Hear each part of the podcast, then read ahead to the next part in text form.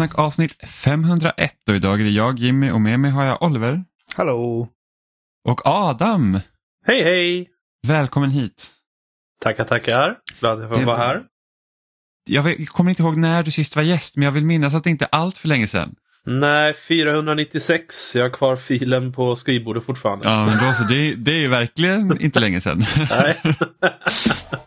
Så då kan jag inte köra med det här, ah, det var länge sedan Adam, hur är det med dig? Tiden är relativ. Ja, det är det faktiskt. Så det kan ha gått jätte, jättelång tid egentligen. Exakt. Om vi räknar hundår har det gått ganska lång tid.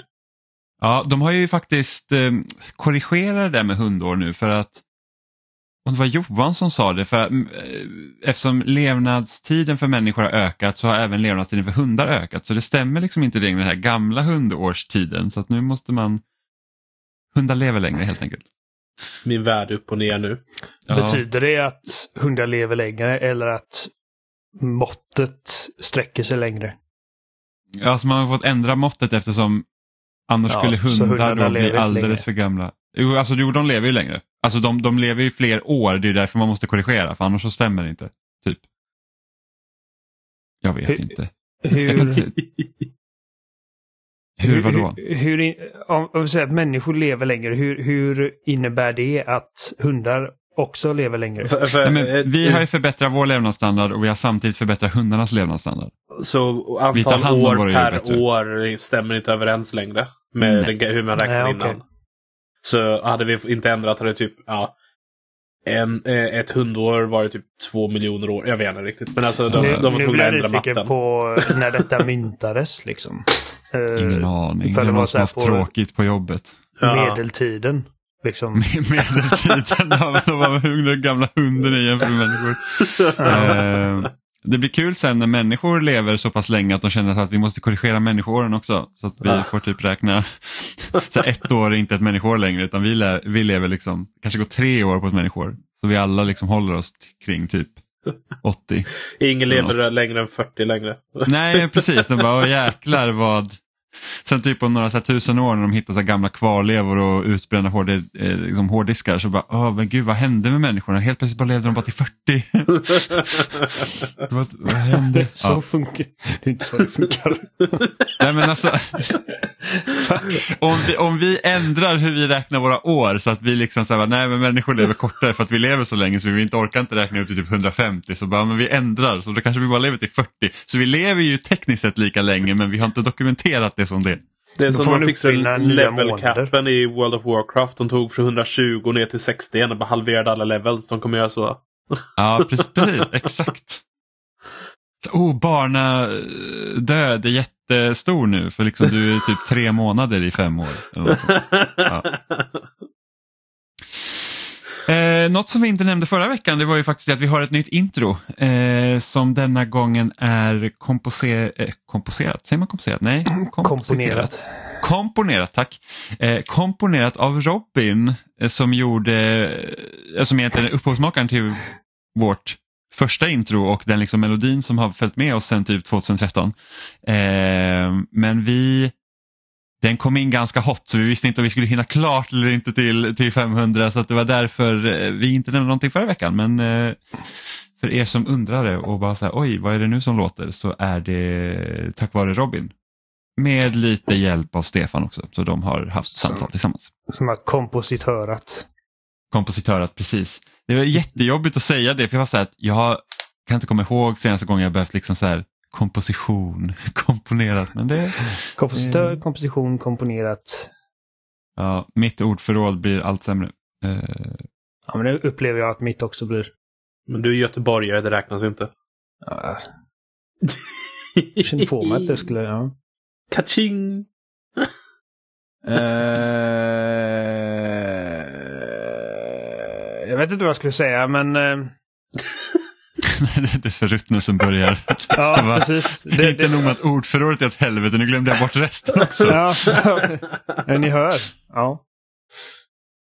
Ja, men eh, tack för er som tittade på streamen förra veckan. Det var väldigt kul. Fick spela lite spel. Vi kommer ju förmodligen streama i, eh, i eh, december igen. När vi ska spela några favoriter från året då, som vi har gjort de senaste två åren. Så det lär vi fortsätta med. Mm. Men det är inte vad vi har gjort den här veckan. Nu är det vanligt eh, avsnitt och det är ingen livepodd och folk har inte kunnat titta på det här i förväg så att vi har ju spelat en hel del spel i, i veckan också och ni två eh, har ju faktiskt tagit er an Phantom Liberty, expansionen i Cyberpunk 2077. Tillbaka till Exakt. Night City. och samtidigt yeah, spelat den här Shuma. 2.0-patchen när de har ändrat om en massa grejer. Vilket Ja. också undertecknad hoppade in i och var så här, jag kan ingenting längre och bara kände, jag kommer inte hinna spela någonting av det här. Så jag gav upp. Eh, Men Mm. hur, eh, om vi börjar då prata egentligen om, om den här eh, uppdateringen för spelet. Hur, hur upplever ni nu att Cyberpunk är 2023 jämfört med hur det var 2020? Ja, Ja, jag, jag tänker att uh, låter Adam säga, för jag, jag har redan pratat lite om det. Uh, 499. Mm.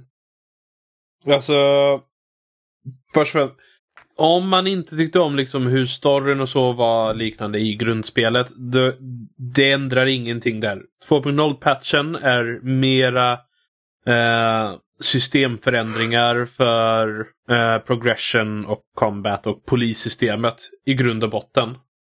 Eh, så om man sitter där liksom bara ah, jag tycker questarna är så tråkiga eller liksom inte tycker om storyn. 2.0-patchen kommer i sin i- på egen hand inte rädda spelet för er. Utan det som den patchen gör är ju först och främst att göra att progression, gear, items och sånt överlag känns och fungerar betydligt bättre. Eh, den här eh, träden med en skills och allting sånt ger mer och inte samma hemska virvar av procentsatser som ger små, små bonusar. Um, och uh, augment-systemet med när man eh, kapar av kroppsdelar och bygger upp sig själv är också mer genomtänkt och det känns också som att ens val över hur ens karaktär ska vara um, känns mer omfattande, tycker jag. Så jag startar en ny karaktär med 2.0-patchen och jag har gått all in på typ quick hack och tech. Så jag går runt och hackar folk till döds, bara blänger på dem så exploderar deras huvuden och sånt. Ehm, och eh, coola högteknologiska charge-vapen som får folk att bli elektrifierade och allt möjligt. Så överlag så tycker jag det är mycket roligare att spela i sig nu. eh, med de förändringarna de har gjort. Ehm, och sen har Mm. de även förändrat polissystemet. Så 2.0-patchen är en utmärkt grund som i sin tur vävs in i många av de eh, nya tillägg som Phantom Liberty har. Eller vad tycker du Oliver?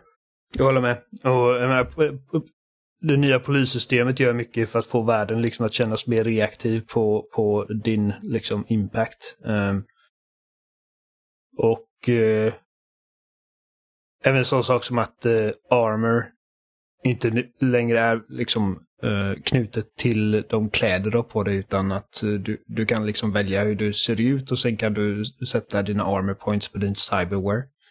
Mm. Um, det, är, det är en sån pet peeve för mig, liksom, att, man, att man måste se ut som en clown för att ha bra armor stat. Jag kommer ihåg Ehm. första gången jag körde Cyberpunk. eh, då var jag klädd i princip som en galen fotbollsmamma bara för att det var den bästa statsen för mig. ja, Så det är ganska befriande nu i alla fall. exakt. Du kan bara liksom bestämma. Och de har eh, så här, sex olika quickslots för kostymer. Så att eh, du kan liksom eh, sätta ihop sex ehm, olika Mm. sets av kombinationer av olika kläder då, för att liksom Mm. Eh, för humör antar jag. Så du kan ha liksom en som är lite mer så streetwear och en som är lite mer, eh, ska man säga, combatwear. Och liksom bara, Mm. bara för skojs skull. Eh, liksom, bara en sån grundläggande grej för spel eh, uttryckbarhet i liksom ett rollspel. Mm. De, Ehm, de, had, de introducerade eh, transmog-systemet för några patchar tillbaka. Men det de har gjort nu är att de har i princip tagit bort alla stats från kläderna så att man mer fritt kan matcha oavsett vad man vill ha. Ehm, Ja, och, det och det så finns skönt. lite gear som fortfarande har stats. Som till exempel en gasmask skyddar mot toxic. Liksom ganska logiska saker. Eh, men för det mesta är kläderna mer, mer fritt för folk att ha. De är mer bara kosmetiska.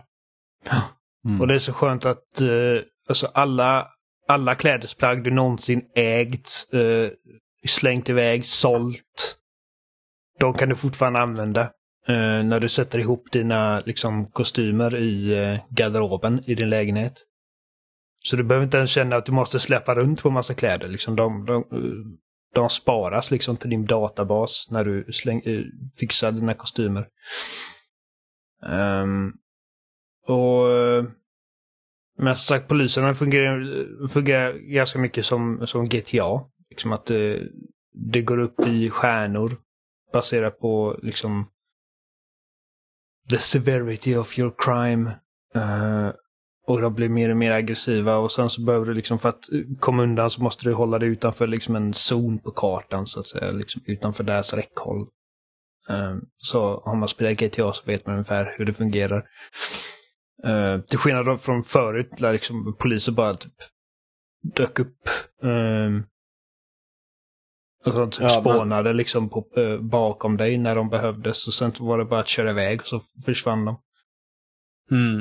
Ehm, och det är massa sådana grejer, liksom att skilltreet har tänkts om. Och nu kommer in, alltså jag, jag kommer inte ihåg hur skilltreet såg ut förut. Så att jag kan liksom inte göra några ordentliga jämförelser. Men Eh, Om jag, minns, om jag inte minns helt fel så var det väldigt mycket så här typ du får x procent mer av det här. Mm. Liksom lite mer typ som det var Mm. kanske i kontroll. Eller men det är så här att du tar en uppgradering och du är inte riktigt säker på om det blir jättemycket skillnad alltid. Nej, ja, ja, men, ja, men det... Så kan det mycket väl ha varit. Och nu är det liksom att varje liten skill är en...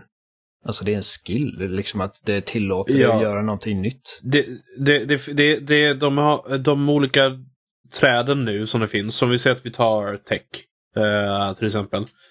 Om vi går in i det trädet ehm, och då är det typ tre olika träd som går uppåt och eh, så finns olika nivåtak.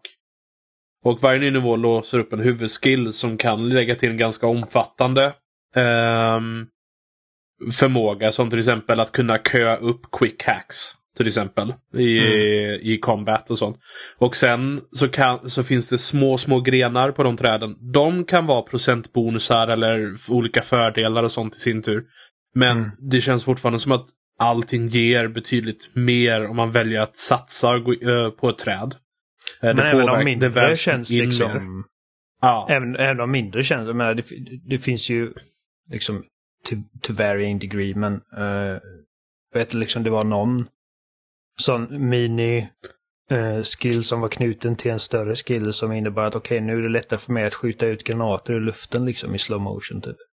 Ja, alltså Eh. det, det är ganska... Det, vissa saker är extremt hjälpbara. Uh, som så bara, ja, ah, jag får tillbaka x 30% av min RAM när jag dödar någon med en quick hack och bla bla bla. Liksom, Det Mm. vävs in mer i de olika tänkta spelstilarna.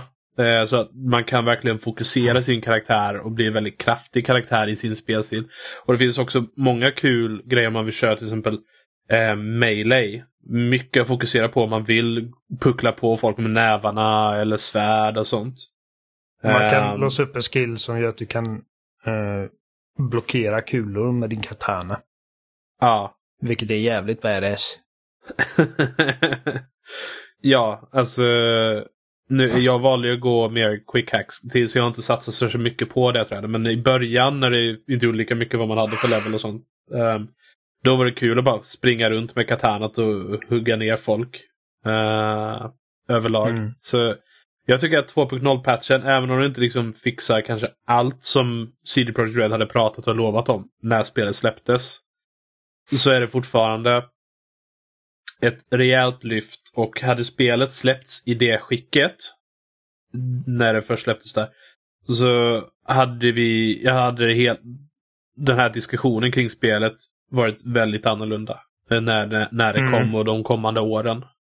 De har återhämtat sig rätt bra nu. För, eh, så att de firade 25 miljoner spelare nu nyligen. Ja. Ehm, så att liksom det jobbet de har gjort för att liksom gräva sig ur det hålet de hamnar i. Mm. Uh, ja, det, ska, det ska inte liksom sticka under stolen med att det är jävla massa jobb de har lagt på det. Och liksom att... Ja, det pratas om att de hade spenderat typ 120 miljoner dollar för att fixa spelet. Och sånt tyckte jag läste ja. en headline om. Ja men det är ju liksom det är, det är ju dyrt. Uh, mm. Liksom att ha ett liksom massivt team som som uh, försöker fixa en, en sån här grej. För att det var ju liksom inte bara en eller två grejer som var fel med det, utan alltså det spelet, det, det skulle ju inte ha släppts när det släpptes. Uh. I alla fall inte till alla de plattformarna när det släpptes. nej, men liksom även, även PC-versionen var liksom, alltså det var ju den bästa versionen men, men ja. de, de, problemen som de har löst nu med 2.0, liksom, de fanns ju där också. Så att, mm. um, ja, nej. Alltså det är nästan så att när jag spelar detta nu och det, det, det, får jag säga liksom att jag, jag räknar inte med att Cyberpunk skulle liksom dyka upp år 2023 och liksom bli en av mina favoritspelupplevelser i år. um, för att jag har verkligen varit helt liksom alltså, uppslukad av det här spelet. Och, och, och det, det, är inte bara på grund av Phantom Liberty som, men det har ju varit huvudpunkten såklart.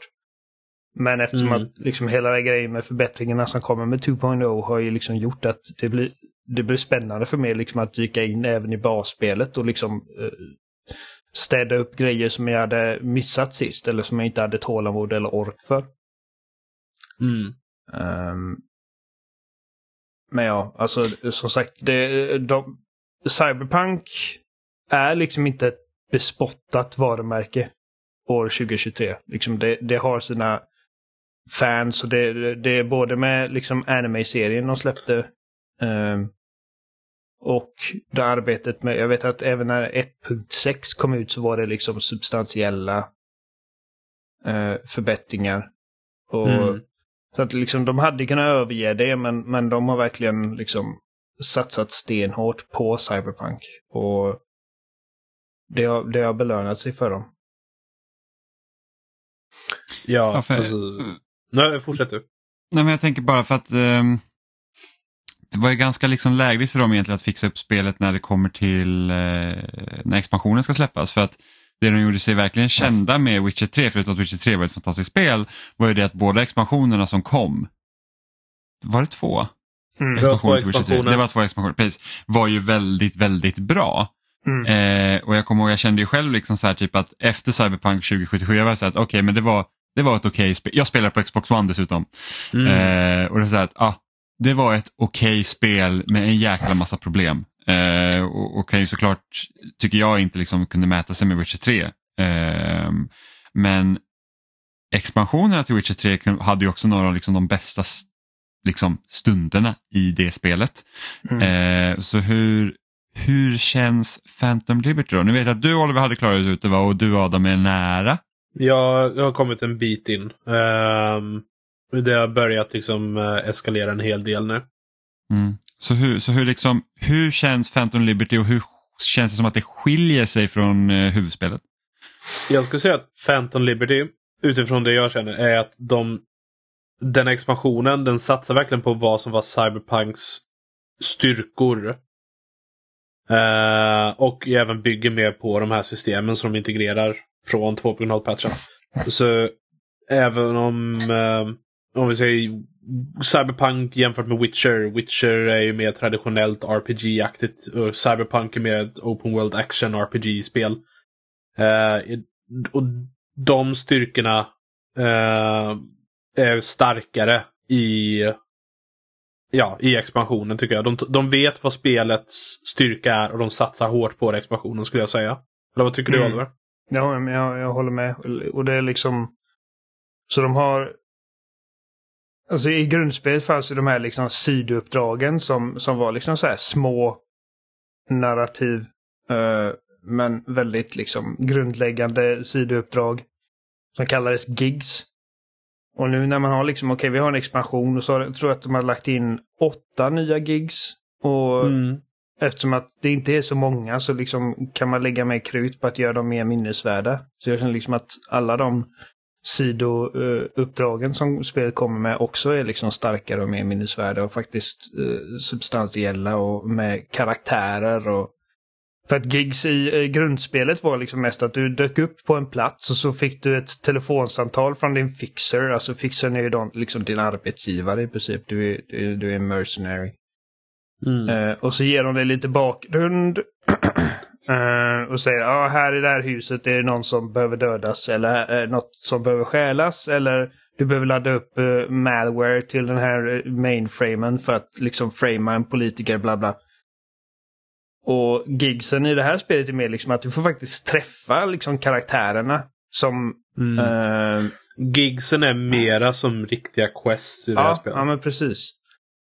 Eh, det är liksom inte längre att du bara dyker upp på en plats och så går du in någonstans och, och, och, och gör din grej och sen går du ut och så är det klart. Utan här får man oftast träffa karaktärerna som, som det här liksom lilla narrativet bygger, bygger på och du får liksom, du ställs inför så här lite jobbiga moraliska conundrums ibland och sen så får man liksom till och med uppföljning ibland. Liksom att flera timmar senare så får du ett sms från en av karaktärerna som som du hjälpte och liksom, åh tack, jag är liksom, jag har Mm. typ eh, fixat upp mitt liv nu och det, det känns bra så jag vill bara tacka för det. Så om du vill, om du vill mötas så att jag kan betala dig liksom ordentligt så, så att ja, det känns mer levande där också. Ehm, jag skulle, det första jag tänkte när, när Jimmy, när du frågade liksom skillnaden mellan Cyberpunk och uh, Phantom Liberty, liksom, alltså eh, grundspelet och expansionen, Mm. är eh, den generella liksom, inriktningen slash eh, tonen på spelet. För att detta är verkligen... Jag vet inte riktigt hur jag skulle beskriva liksom storyn i det första spelet liksom bara med, med en snabb fras. Men detta, Phantom Liberty, är verkligen en spy thriller. Du får liksom utleva dina liksom typ eh, cyberpunk James Bond eller typ Jason Bourne drömmar. Att storyn börjar med att du blir kontaktad av en eh, netrunner. Och en netrunner är alltså det är typ liksom en Hackers. hacker. Ja, Ja. precis. Netrunner låter mycket coolare. eh, som jobbar för FIA som är Federal, Federal Investigations Agency. Eh, Mm. och hon säger att jag och eh, presidenten av New... Eh, jag säger en USA. Jag antar att det är New- United States of ja, America. precis. Det är USA som bildades efter Unification War. Ja, så det är liksom jag och Potus sitter på det här planet och vi har blivit nedskjutna och vi är på väg att krascha i den här liksom slummen Dogtown. Och det är liksom den nya liksom stadsdelen som spelet, eh, som expansionen introducerar. Eh, vi behöver hjälp. Stat, jag vet att du, du är liksom, du har ett rykte för att vara liksom en, en i mitt fall då en man som som bringar resultat och inte liksom eh, är rädd för att eh, få händerna smutsiga. Och jag vet också att den här reliken du har i din, din skalle eh, är en dödsdom. Ifall du hjälper mig och presidenten här nu så, så, så lovar jag att vi ska hjälpa dig att, att bli av med detta. Liksom. Så, att- så att för vi handlar det mycket om liksom att jag...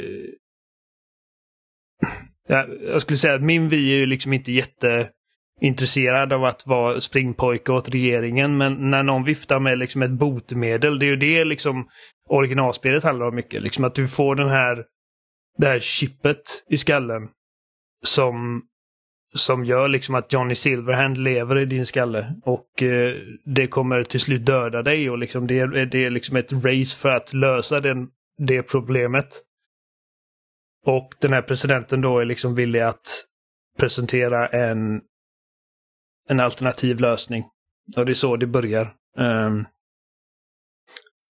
så man får rädda presidenten från en, flygkrasch och eh, det är väldigt kul för att president, man, man, man springer runt med presidenten rätt mycket. Presidenten i det här spelet är en kvinna, vad heter hon, Rosalind.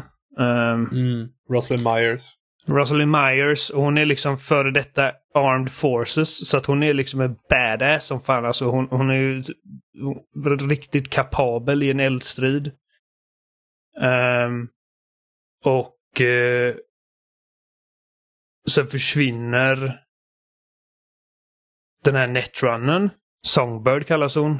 Och eh, resten av storyn handlar liksom i mångt och mycket av att vi måste hitta henne. Vi måste liksom...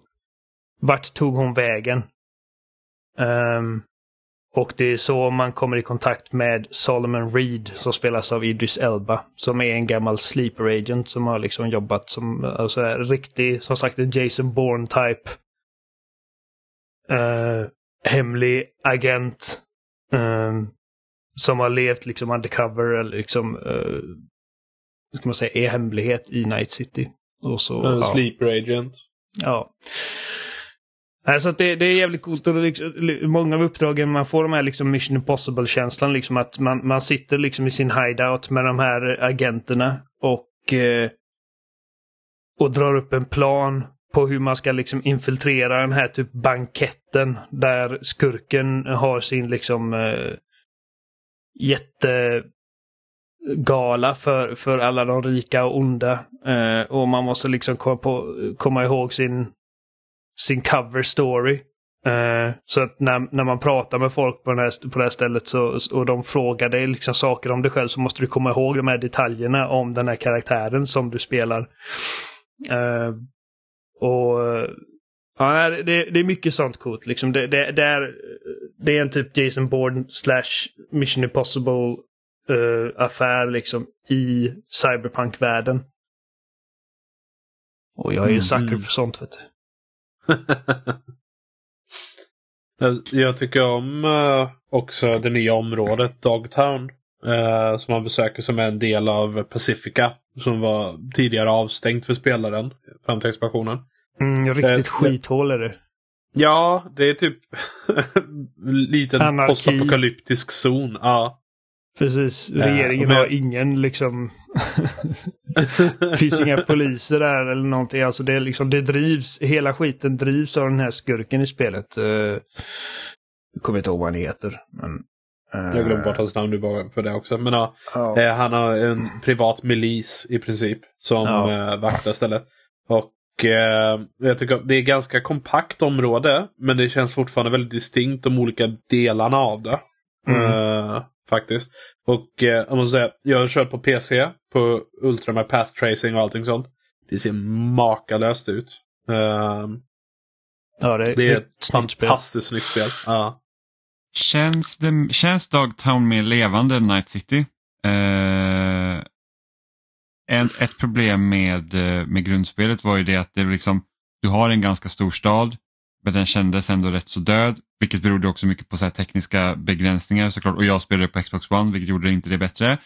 Men nu när jag hoppade in lite snabbt i Cyberpunk så kände jag, och det här kan, fort, det här kan också såklart vara så att jag går in med en annan förväntan när jag liksom tänker mig liksom inte att, att, att alltså jag har upplevt det förut så att jag liksom kanske inte liksom mm. känner att wow vad nytt det är. Men, men jag kände fortfarande så här när jag går runt i Night City att, att det är lite öde ändå alltså. Så hur känns Dogtown om den liksom är mer en begränsad område som inte är nödvändigtvis lika stort? Alltså det är ju... Det, det finns delar av uh, Dogtown som är väldigt befolkat. Som till exempel marknaden och uh, finns även en liten uh, ja, marknaden är så dens. Ja, och en liten shantytown. Uh, där det också finns lite butiker och bar och allt möjligt runt ett träd. Och där är liksom ofta ganska mycket NPC så de liksom går runt och ser ut att göra saker och sånt. Så överlag skulle jag säga att det är lite bättre designat på det sättet. Uh, men det, men, det, är inte... Men samtidigt, inte... Liksom, du kommer inte ha liksom samma, eller ens i närheten samma interactivity med NPC och sånt som du har i ett Rockstar-spel. Nej. Uh, de, alltså de reagerar på vad du gör men du kan liksom inte gå fram och antagonisera någon eller eh, liksom... Nej, inte som Red Dead. Man kan bara Hey there boy! Liksom. Mm. Nej. Men uh, det, det, jag skulle säga att Dogtown känns bättre men det är liksom utvalda platser. Uh, först och mm. främst. Uh, så ja. Cyberpunk är alltså... Och, och, och, jag har nog sagt det här förut. Men alltså, Cyberpunk är inte det bästa spelet som gjorts, men, men jag tycker fan att det är det coolaste spelet som gjorts. Det är bara allting med spelet är coolt. Alltså Night City är Mm. coolt. och Liksom alla, alltså arkitekturen är cool. Karaktärerna är coola. Kläderna är coola. Musiken är cool. Bilarna är coola. Vapnen är coola. Interfacet är coolt. Uh, lingot är coolt. Men liksom, alltså, det är så här, de har det som får Night City att kännas liksom, alltså, eller Cyberpunk överlag att kännas som liksom en trovärdig framtidsvision är liksom för att det är så mycket detaljer kring hur folk lever och eh, hur, hur folk pratar med varandra. Liksom, eh, bara en sån sak liksom att eh, cyberware är så vanligt nu liksom att, att människor utan cyberware liksom det existerar knappt. Liksom. Och vilken relation får man till liksom den mänskliga anatomin i en värld där allting är utbytbart. Liksom att, och, och det, finns ingen, det finns ingen gräns på hur mycket pengar du kan pumpa in i att liksom förbättra dig själv. Liksom. Och hur, hur, hur påverkar det liksom psyket och din bild av dig själv? Liksom. Alltså, och eh, om man kollar liksom på så här spännande eh, reklambillboards. Liksom man ser typ en, en, en människa som inte har Chrome och så sa bara You don't want to be a fleshy would you liksom. Och, så, och, och, och hur de pratar med liksom som, som Shoom, liksom att det är typ Buddy i det här liksom i den här världen. Liksom, och det är liksom hey, lite... Shoom, I ain't no Hey. Shoom. Sipping the deets. Man säger ja, sip the deets the, och business är bis och, och typ Ja. Preem är liksom ja, perfekt och Chrome är eh, cyberware. Liksom att de har liksom all den här typ slangen som hade liksom utvecklats med tiden. Liksom. Uh, sånt som man tycker liksom, ja fan det är lite cringe hur de pratar så här men samtidigt så är det liksom, det, det hade förmodligen folk från liksom 30-talet också tänkt om hur vi pratar idag. Jag vet vilken jävla big deal mina lärare gjorde liksom av att man sa typ. Och de, de, Ja, de tyckte det det var... jag. De tyckte det bara, vad fan, vad fan betyder typ? Alltså ordet typ betyder inte någonting av liksom som ni använder. Liksom. Men det, det är så språk fungerar, det utvecklas. Min farmor Och- bara Vem är en typ? Ja, ja men precis. Eh, och ofta och liksom de här grejerna. Alltså sånt som liksom har utvecklats under vår generation som, som hade låtit jättekonstigt för ett halvt sekel sedan. Så att jag köper liksom att det, det, det är så här det... Liksom, jag, jag köper att det, det är så här folk pratar med varandra idag. Eh, eller i, i, i 2077 då, då spelet utspelar sig. Mm. Eh, så att, det är liksom okej att jag kanske inte känner att Night City är liksom en jättelevande plats när jag bara går längs gatorna utan det är liksom hela helhetsintrycket som får Night City att bli så oförglömligt för mig. Eh, Mm. liksom, du sa det häromdagen Adam att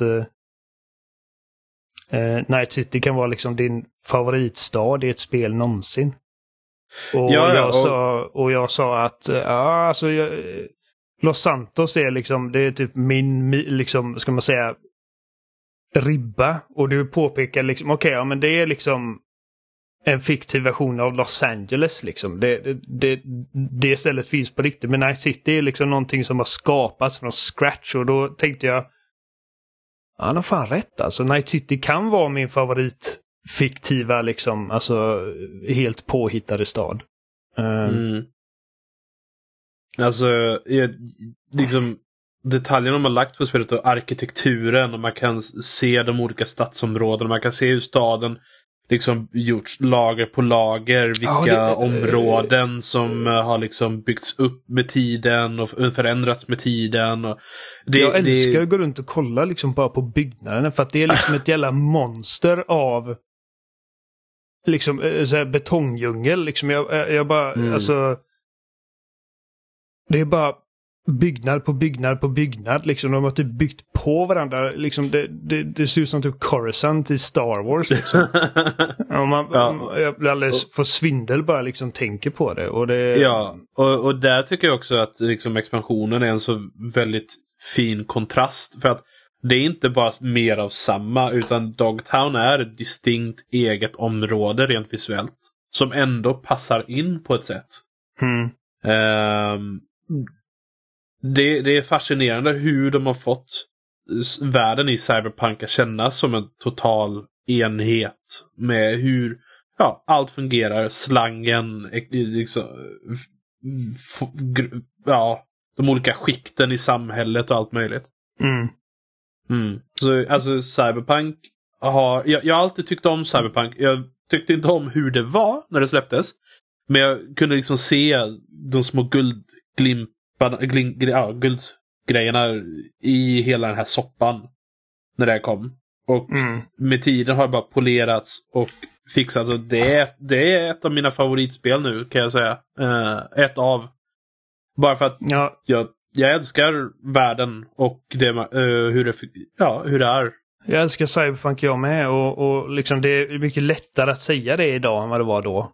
Eh, för att då hade man så många caveats till det liksom. Men idag liksom alltså. eh, En grej som jag hade missat var att de har ju bekräftat att de håller på att göra en uppföljare.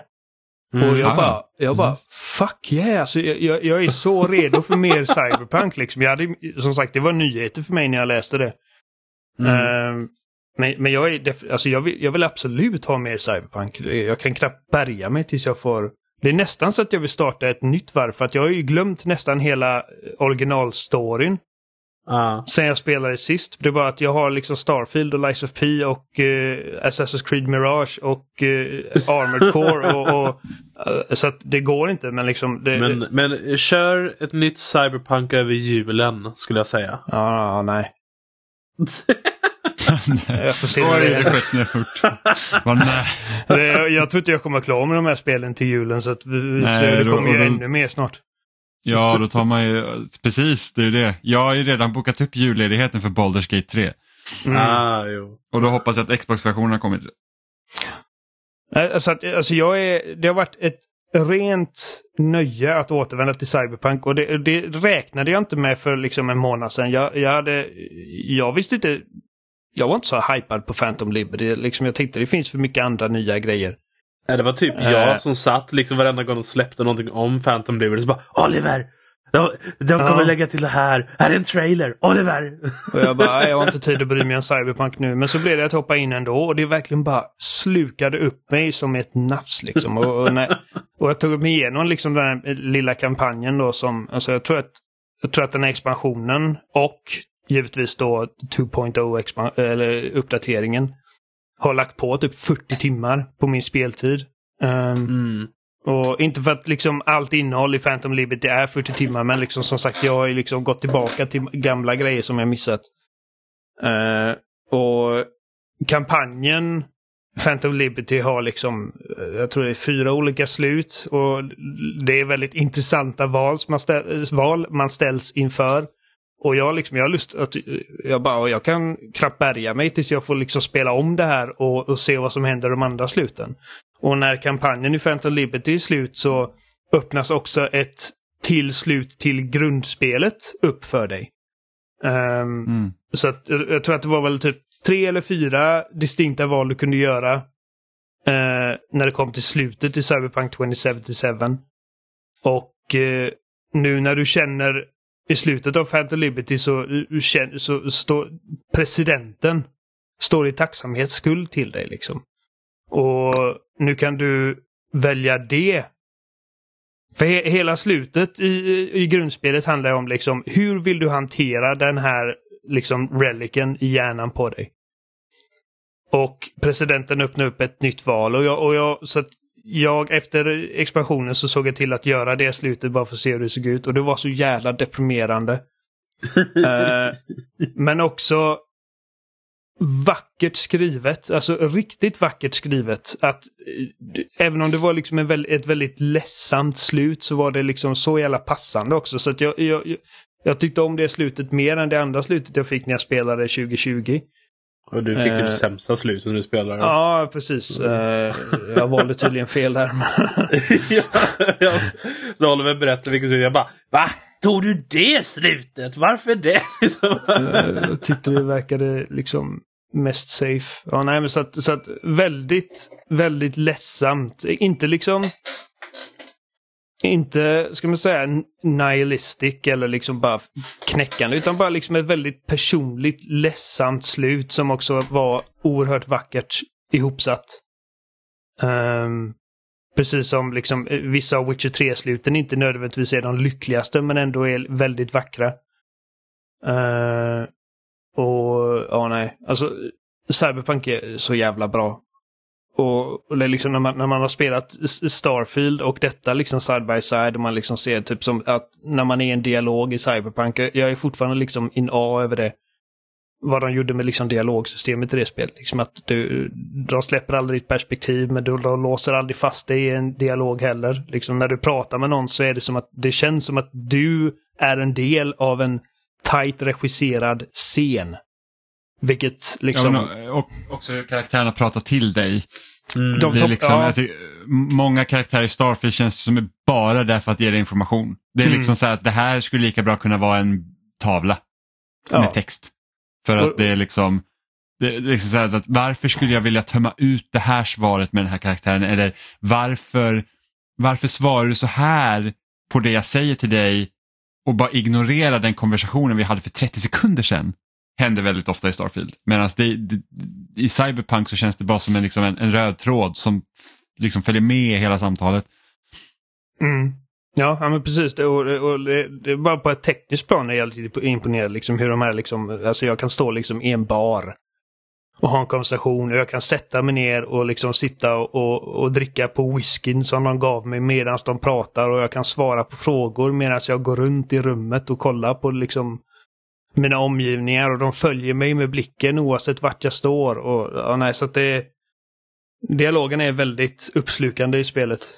Jag hoppas. Det, det pratades ju om de här i nyhetsartiklar om att de arbetar på uppföljare. Men de har inte bestämt sig än om det är första eller tredje person än. Mm. Jag hoppas de, att det är första person fortfarande och de fortsätter med de systemen de utvecklat och filar på det. Vad gäller dialoger och så. Ja, det tror jag. Jag tror att det, det närmaste vi kanske kommer att se det är typ att man kan välja att vara i tredje person. Alltså, Ja, Men att det primärt ska spelas i första person. jag, Och, samtidigt, och säger såklart, de vill inte låsa fast vid någonting heller. Så den frågan de fick med tanke på att Cyberpunk från början var i tredje person. mm. Nej, menar, när jag fick höra att Cyberpunk var första person tänkte jag, ah, lite weird. För att liksom jag, jag tänkte bara, ah, men det här kommer vara Witcher i liksom en sci-fi miljö liksom. Eh, men nu, alltså, jag vill, jag vill uppleva de här liksom miljöerna och de här dialogerna ur liksom ett första persons perspektiv. Och sen förstår jag liksom att i ett rollspel så är det alltid kul att kunna se karaktären. Liksom. Alltså den karaktären du har suttit i två timmar och filat på i character editen. Liksom. Eh, men, ja, men jag hoppas också på första person. Mm. Nice. Eh, jag har ju som sagt inte spelat Cyberpunk förutom att typ starta det och varit förvirrad. Eh, men ja, jag var också jag- förvirrad ska jag säga. Så det tog mig typ en timme eller två att liksom hamna på fötterna igen. Ja, och det, jag antar att det kommer ta för mig också. Men jag, vet inte riktigt när jag kommer ha tid att spela det eh, just nu. Eh, men jag spelat ett annat spel. Eh, jag spelade ju Cocoon som släpptes för typ en vecka sedan. Lite drygt. Mm. Pusselspel på eh, Game Pass va? Ja, precis. Som det är ju utvecklat av eh, lead designern, eller ja, eh, Geometric Interactive heter studion då, som leds av lead designern för Limbo och eh, Inside. Mm. Okej. Och, med tanke på hur, och med tanke på hur bra Inside är så då, då är det såklart man är nyfiken. Eh, och precis som de två spelen så är det här också ett pusselspel med liksom en ganska liksom diffus berättelse. Du, liksom, du kastas egentligen bara in i världen eh, och det är liksom ingen text eller så utan du får liksom lägga ihop de delarna själv. Eh, men den här gången så är det ett, ett 3D-spel då, så det är inte i 2D. Men du har fortfarande lite den här low poly grafiken så att man känner liksom igen stilen men, men det, det, är liksom, det spelas inte som limbo eller inside. Eh, Ja, det är väl typ ett eh, alltså, eh, fågelperspektiv på det va? Ja men precis, ja, men, exakt. Så att det, det är liksom mer som ett typ gamla Zelda till exempel. Så att man Mm. liksom ser det mer uppifrån. Eh, och jag måste ändå säga att det här kan nog vara ett av de mest eleganta pusselspel jag någonsin har spelat. Eh, det Wow. är... För att grejen med spelet är att du spelar typ någon form av, du ser ut som en liten insekt med vingar. Och hela liksom uspen för spelet egentligen är att du, ehm, du kan hoppa in i de här orberna som egentligen innehåller världar så att säga. Och, och, och du kan liksom, så att, att pusslen går ofta ut hur liksom, när ska du hoppa in i orben och när ska du liksom gå ut och hur, hur liksom du kombinerar det med varandra för att du kommer ha flera olika orber i, i spelets, liksom, under spelets gång. Eh, och du kan ta in de här orberna i varandra. Eh, vilket öppnar liksom upp en hel rad med möjligheter, liksom att, alltså att, hur du ska hantera pusslerna. För varje orb har också en specifik förmåga till sig. Så att orberna är liksom som en färdighet du har. Eh, det är en bana. Alltså för att en orb är liksom, det, det, det är banor som de innehåller. Eh, och de kan samtidigt vara ditt inventory för du kan sätta liksom flera orber i en orb men du kan bara bära en åt gången så då har du en på ryggen till exempel. Eh, och det är så du också har de här förmågorna. Och varje bana har ju liksom, eller varje orb då har ju liksom olika teman och så. Eh, och, och, och jag är otroligt imponerad hur de har lyckats med att få ett, egentligen ett koncept som lätt skulle kunna liksom köra knut på sig själv och liksom att man har så svårt att hålla koll på vad man faktiskt ska göra. Eh, just det här med att du kan hoppa in i de olika orberna, du kan byta ut dem med varandra och se liksom när ska du gå in i vilken orb för att lösa olika pussel. Eh, att I början är det ganska lätt liksom att när du har en orb och det är så att okej okay, men jag kan hoppa in i den här orben och sen när jag hoppar ut ur den så är jag någon annanstans. Men när man sen börjar liksom bolla med tre, fyra stycken då är det liksom så att okej okay, men hur känns det intuitivt för mig vilken orb jag nu behöver gå in i och, och det var liksom aldrig ett problem i spelet utan det var verkligen så att okej okay, men nu nu känns det bara som att jag ska in i den här och sen så löser man det och, och hur man liksom ska ta in och ut dem ur varandra och för att varje orb har liksom så här, det, det finns som en typ en platta som gör att du liksom kastas ut i den. Eh, och sen finns det ju vissa hinder på vägen som gör att du kanske inte kan ta med en nyckel förbi några laserstrålar. Då måste du kunna få den på andra sidan genom att använda orberna för att hoppa in och ut ur banorna. Alltså det, det, det låter mer komplicerat än vad det är och jag kan tänka mig att det har varit en mardröm att speltesta det här spelet för att det är liksom jag kan liksom inte ibland förstå hur, hur man har koll på alla olika variabler man skulle kunna göra i, i, i varje given eh, tillfälle. Och lösningarna är, för att liksom om man tittar på Inside och Limbo så där var det verkligen trial and error. Det är så att du dör om du misslyckas. Mm. Och det är liksom det som är den stora grejen, du dör. Och det är så du, ska bara undvika att dö. Här så kan du inte dö. Eh, även bossarna i spelet så dör du inte utan när du dör på en boss till exempel då kastas du ut ur orben. Och visst du får börja om på bossen men du har liksom inte dött. Ehm, och du kan inte dö på några pussel så det gör liksom att det är inte trial and error i form av du dör utan det är trial and error i form av att du måste testa dina lösningar och se om de funkar men det liksom blir aldrig frustrerande när inte pusslet fungerar som du tror att det gör utan då är det bara så okej okay, det här funkar inte nu får jag testa någonting annat. Ja, det, Eh. det där låter dock lite som att den enda skillnaden mellan de två scenarierna du berättar om är att du får en dödsanimation på den ena. Nej, för skillnaden är när du får en dödsanimation är att till exempel i Inside så är det så att du, du har ju liksom som en screen är ju ett pussel i princip. Du kommer liksom in från vänster och sen så har du löst när du kommer till höger. Pusslet är att komma till höger men varje gång du misslyckas så kastas du tillbaks till början av skärmen Ja. kan man säga. Här gör du inte det utan du, liksom, du försöker pus lösa pusslet och sen så funkar det inte. Det är inget som kastar ut dig då förutom på bossarna då när du kastas ut Ja, ur, ur, ja, men det var ur bossarna jag tänkte på. Liksom. Ja, precis. Ja, exakt. Men det, det är liksom... Du, du får liksom ingen game over-skärm. Eh, och då blir det liksom så här att okej, okay, men det här pusslet funkar inte så hur, hur liksom går jag vidare med det? Och alltså ärligt talat, det sista pusslet i spelet i princip var så otroligt ehm, mindblowing när jag löste det. Det var verkligen så här, man bara wow. Alltså bara det hur de visuellt kommunicerar hur du bör tänka och hur du själv måste liksom tänka, okej okay, men hur ska jag lägga in de här, hur ska jag lägga in mina egna lösningar i praktiken så att det faktiskt funkar och när det väl funkar så blir det bara så här, oh shit. Liksom. Jag sitter och kollar Eh. på, på liksom game footage medan du pratar om det här. Och eh, det ser väldigt komplext ut. Ehm, Ja, det är väldigt komplext men du kommer aldrig känna att det är så komplext som det faktiskt är. För att de gör ett så otroligt bra jobb för att du liksom ska bara förstå grejen med spelet. I liksom, det, är inte som, det är inte som The Witness när man liksom bara sitter och bankar huvudet mot väggen och bara säger att jag är för trög. Det, liksom, det går inte, det är någonting i min hjärna som inte kopplar det här jag borde koppla. Eh, utan det liksom liknar mer Portal på det grejen. Alltså Portal var ju också, kunde också vara väldigt komplext, speciellt tvåan när du kunde ha väldigt många fler olika variabler. Men det var ju väldigt sällan i Portal man kände så här att jag är för dum just nu. Det här går bara inte, förutom när vi körde Tala co-op. för dig själv. Ja, men, ja, men när, vi, ja, men när vi körde co-op så var det liksom, okej okay, vi har fyra portaler att bolla mellan, då kunde det vara liksom svårt. Men det, jag känner ändå Portal är också liksom ett sånt spel, speciellt ettan då är det verkligen så här att den idén, de har liksom utvecklat sin idé så himla bra så att liksom när du kommer in i tänket så flyter det på och det är samma sak i Cocoon, när du väl kommer in i tänket så flyter det väldigt på och det är liksom ingen hög tröskel att komma in i det tänket, inte för mig i alla fall. Now you're thinking with Det är liksom- portals.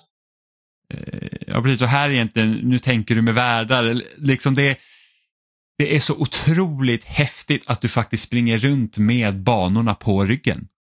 Alltså bara den tanken känns helt svindlande för mig. Jag var så här, jag, har, jag bär runt på den här banan i min orb. Ja, Och inte um, nog med det, jag kan ha typ tre, tre olika orber och de går in i lager på varandra så att hoppar jag in i nästa orb så kan jag hoppa in i nästa orb i den liksom kakan. Så det är liksom så här att, ja, det, det, det är ett otroligt bra spel. Jag ska säga att det här kommer nog vara ett spel som toppar min topplista när året är slut. Eh, Jag kan tänka mig att det är ett sånt spel som får så här Baftas och grejer också. Liksom, eh, ja.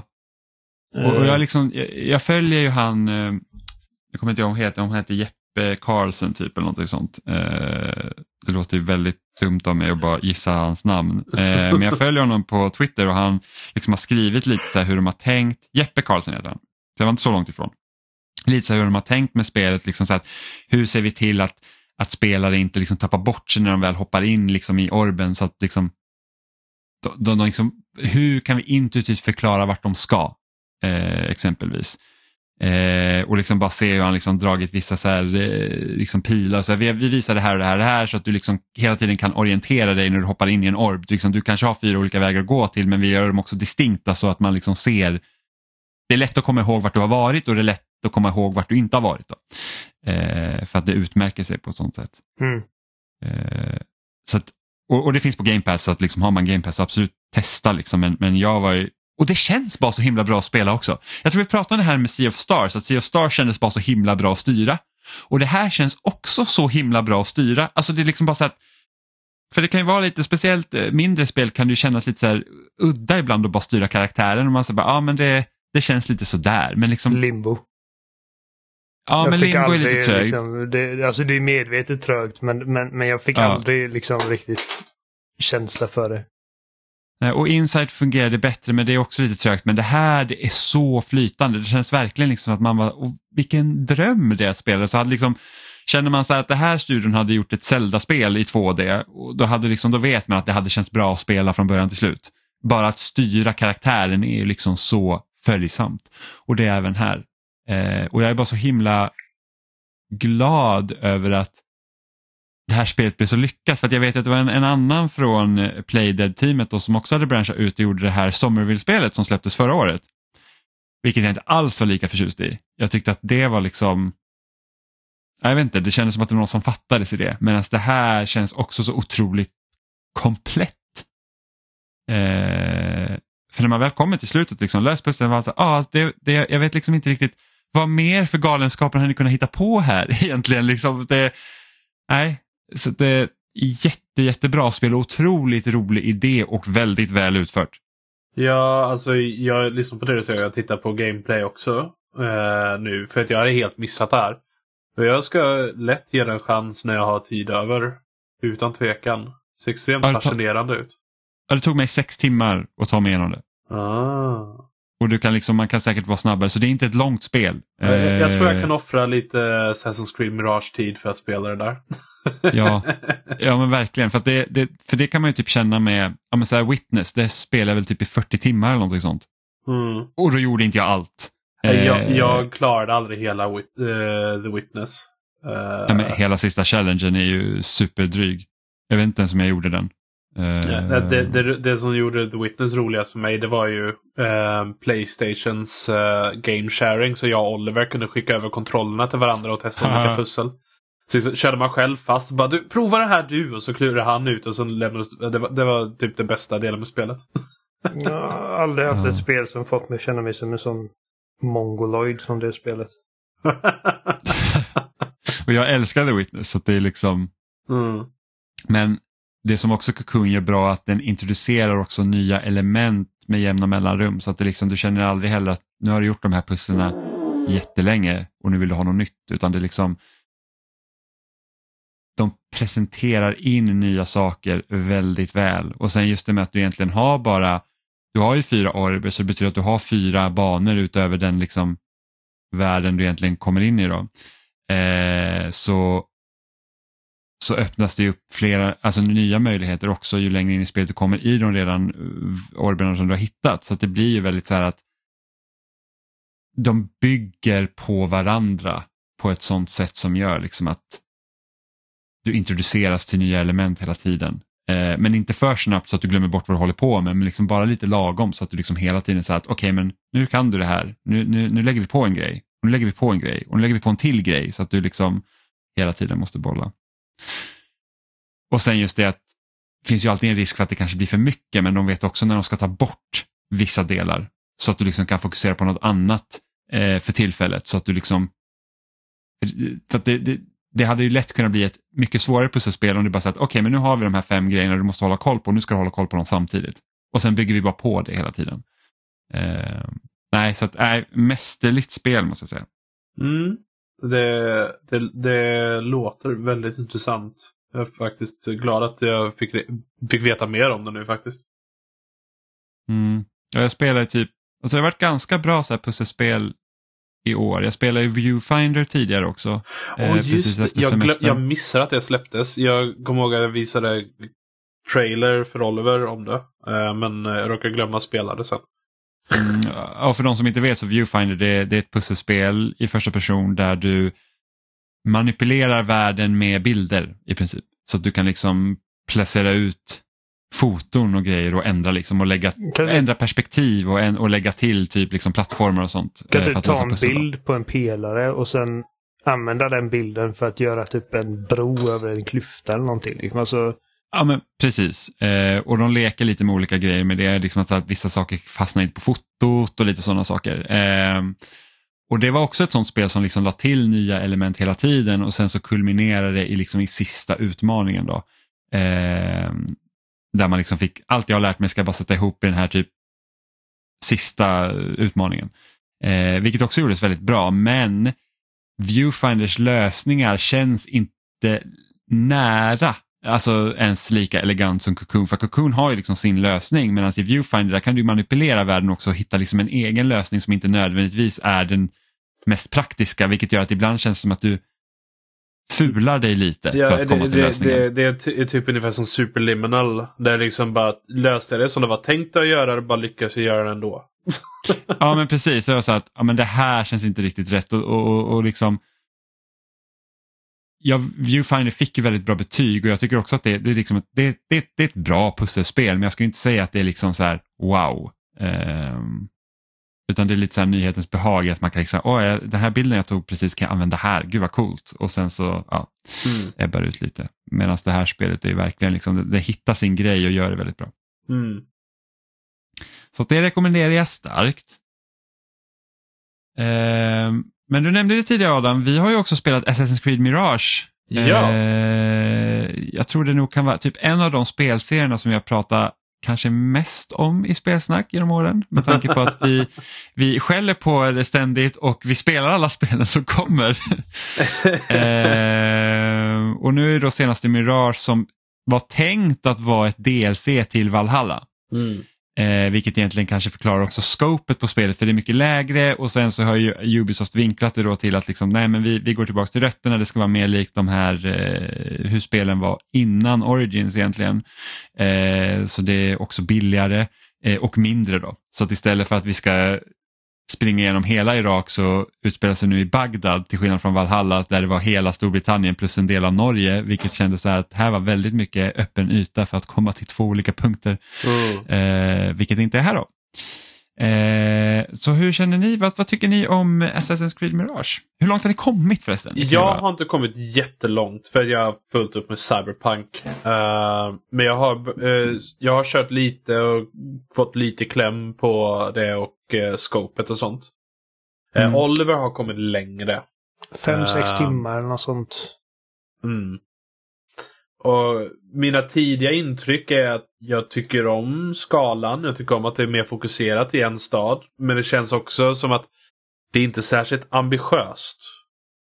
Um, heller. Det är inte nödvändigtvis dåligt, men det är liksom... Jag, jag har saknat den äldre typen av Assassin's Creed-spel, men det är liksom... Vad mer? Är väl mina tidiga intryck. Mm. Ja, nej, det, det innoverar inte på något sätt. Eh, För, för det- är inte heller första gången vi har haft att Ubisoft tagit Assassin's Creed-spelen och liksom tillbaka till rötterna eller så. För Assassin's Creed Unity var ju i princip en ny form av ehm, Assassin's Creed 2 fast för Next Gen. mm. Ehm, men där kändes det i alla fall fortfarande, trots att det var horribelt trasigt och en dålig story, tycker jag. Eh, så kändes det liksom ganska nytt med liksom vad de gjorde med spelet med de enorma folkmassorna och introducerade eh, det här lite mer eh, Hitman-aktiga assassinations eh, med sina targets och sånt. Mm. Men man såg Det liksom här- vart ambitionerna Ja. låg där. Och samma med, med Assassin's Creed 3 är inte min topp tre eh, i Assassin's Creed-serien direkt. Det var verkligen ett... ett in, jag skulle inte säga att det var röra. ett dåligt spel, men det var en röra. Ja, precis. Det var, det var, liksom, det var typ en tre timmar lång prolog och liksom en jättetrist eh, huvudkaraktär och liksom... Och ditten och datten. Liksom väldigt förglömligt spel. Men, men det spelet kändes ambitiöst. Liksom. Att de, de, de introducerar liksom det här sjöfarten och, och mer natur. Att liksom, att, att liksom freerunna över träd och sådana grejer. Och, och så, typ trading-system och, och sådana grejer. Så att, så att innovationen fanns där, ambitionerna fanns där. Liksom det, det, problemet med Assassin's Creed 3 var inte att det inte var att det saknade ambition. Uh, och här känner jag liksom att Mirage är verkligen ett helt ambitionlöst spel. I princip. Alltså det, det makes, alltså det är helt rimligt att detta började som en expansion till Valhalla för att det, det är liksom eh, det, det känns som att jag spelar Valhalla igen. eh, liksom bara rent mekaniskt.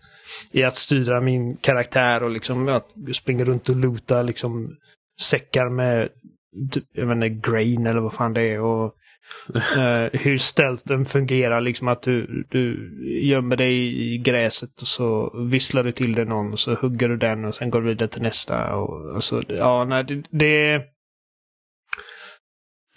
Ja, det absolut bästa jag kan säga om Mirage är att det är jävligt gött att ha en central stad. Liksom en, en stor historiskt värdefull liksom stad. Alltså, det, någonting jag inte visste på förhand var att Bagdad tydligen vid, vid en punkt i historien var världens största stad. Ehm, Mm. Så... eh, Det, det är jävligt nice. Alltså, särskilt när man då kommer från Valhalla där det var väldigt lite av det. Utan det var väl liksom, alltså...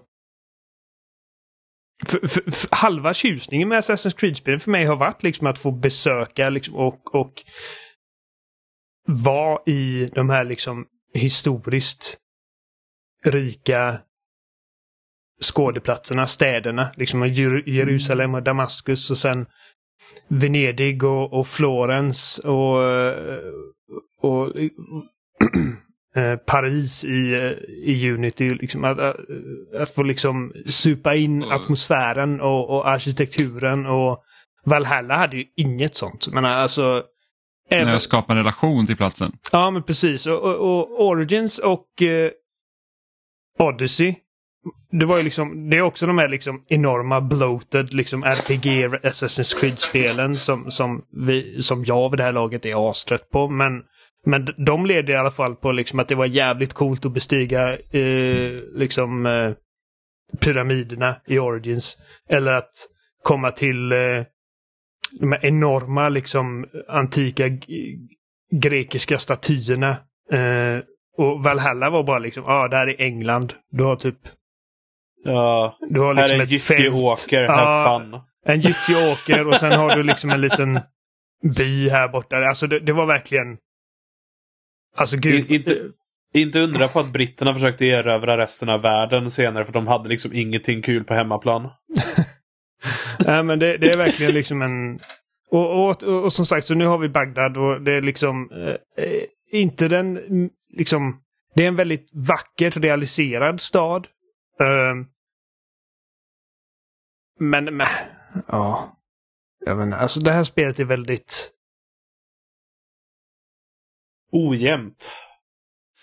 Ja, men jag tror det fastnar mycket i att det är, det liksom ligger i gränslandet mellan Valhalla och vara ett eget spel. För man kan ju liksom absolut se, alltså du har skill trees som egentligen inte gör någon så jättestor skillnad, alltså de är underutvecklade allihopa. Det är, liksom, det är lika bra förmågor du bara kunna låsa upp under Exakt. spelets gång, liksom för att bli bättre. Eh, striderna tycker jag känns riktigt kassa. Ja, alltså jag tycker inte alls om liksom timingsystemet. Jag tycker att den här liksom indikationen på om du antingen ska blocka eller dodga är för kort. Ja, det håller jag med om. Eh. Jag hade jättesvårt för det under tutorial-grejerna i början. Liksom att eh, jag, jag trycker alltid fel. Bara för att jag Ja. tycker wind-upen är typ likadan. Och man väntar på färgen och då är det typ för sent. Ja men precis, så att det, det är liksom jättekonstigt och det, det är liksom det är, det är ett spel som vill uppmana dig till att inte slåss hela tiden för att du ska liksom smyga men det är inget bra ställspel heller. Eh, och, och liksom, speciellt om man då tänker att de drar ju lite inspiration också här liksom från som de hade i Unity och sen så liksom Hitman det här att du ska liksom kunna angripa liksom de här stora eh, lönnmorden på olika sätt då. Även om det det är lite så här, de ger sken av att du har större liksom, frihet än vad du faktiskt har.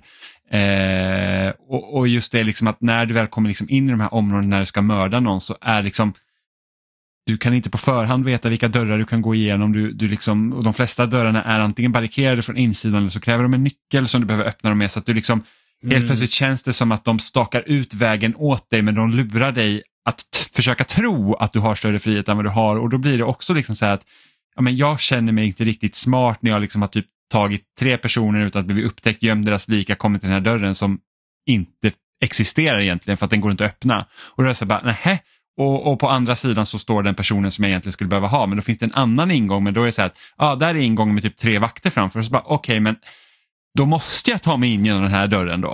Eh, varför liksom inte bara säga det på en gång istället för att liksom säga att ja, gör vad du vill eh, Mm. när inte det går.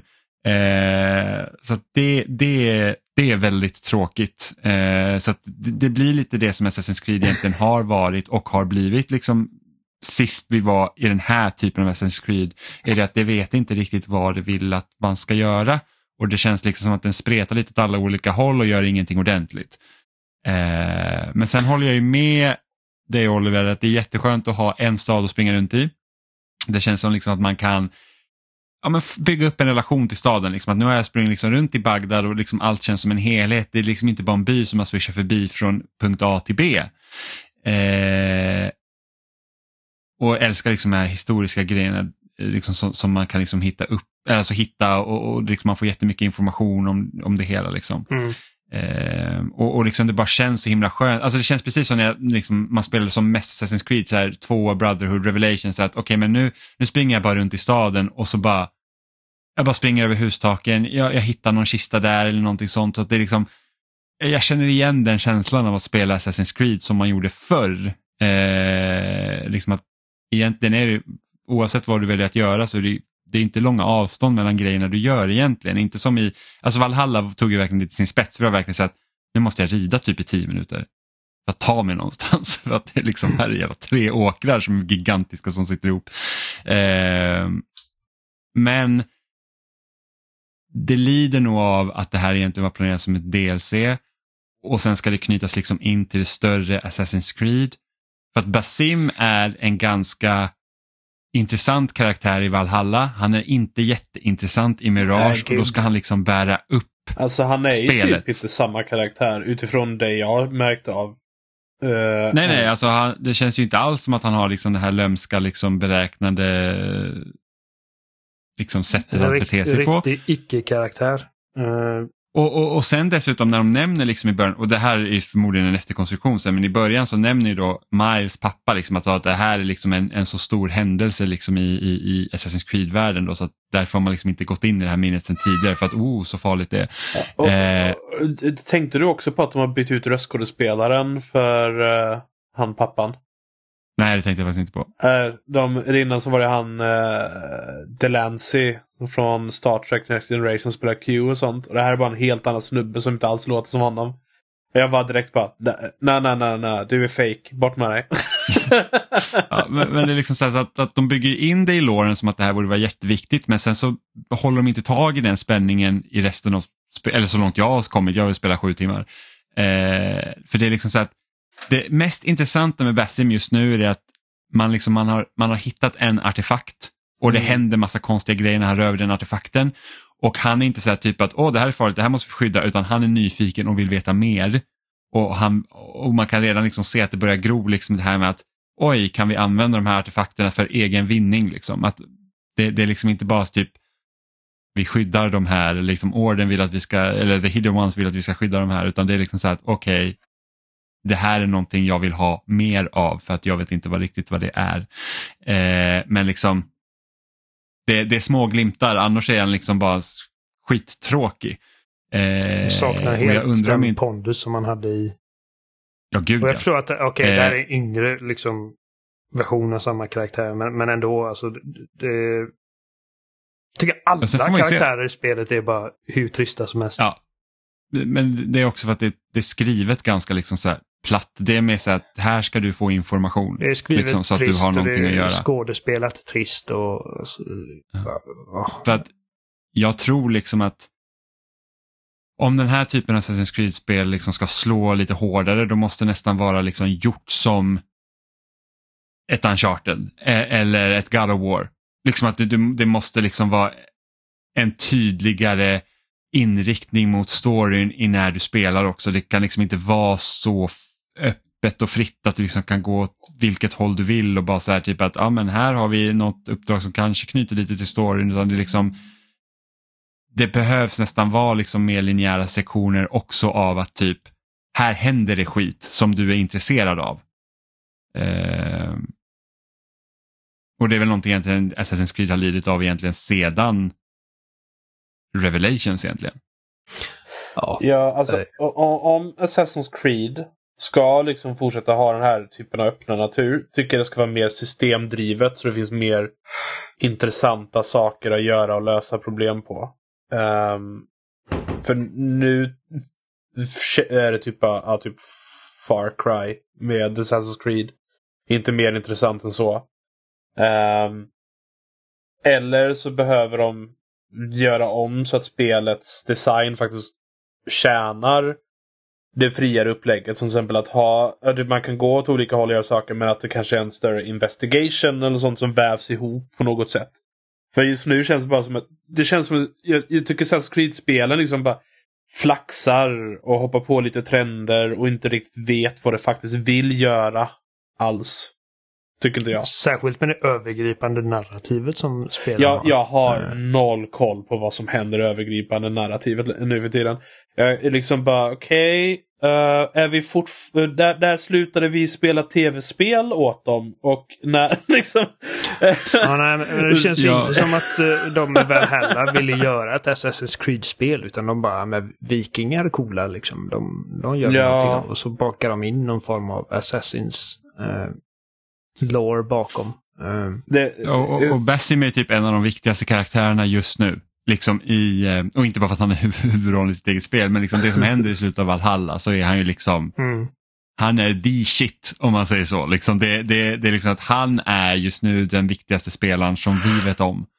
Eh, och det han gör i Valhalla har otroligt stora liksom, implikationer på, på liksom vart serien ska ta vägen och vad som kan hända. Och, och, och då tänker man liksom att okej, men då har de ett eget spel med Basim Och sen så bara känner man liksom att nej, vi vet inte riktigt Han om vi är, ska... han är ingen Cassandra alltså. Nej, och, Cass och, och Cassandra liksom, hon bär ju hela Odyssey. Det är därför Ja. jag älskar det spelet så mycket, för att Cassandra är verkligen, alltså så himla bra karaktär. Eh, och liksom man kan, och med henne kände man verkligen, även, även om Odyssey också är jättebloated, alltså det spelet är verkligen också för stort och för långt. Så liksom det hon gör i det spelet, man känner verkligen med henne och liksom alla de grejerna som hon får uppleva och liksom även när man körde expansionerna till Odyssey var det så att när de var slut, man var så här bara, åh shit, liksom, vilken resa hon gjorde. Och det, det, det känner man ju verkligen inte för Eivor. Alltså Eivor var ju Nej. så tråkig. Eh, och Basim är ju inte mycket bättre. Liksom. Jag tror jag förälskade mig i henne direkt när, när hon hade någon liksom skurks så här, typ träöga eller någonting. Körde upp det på, i röven på en get.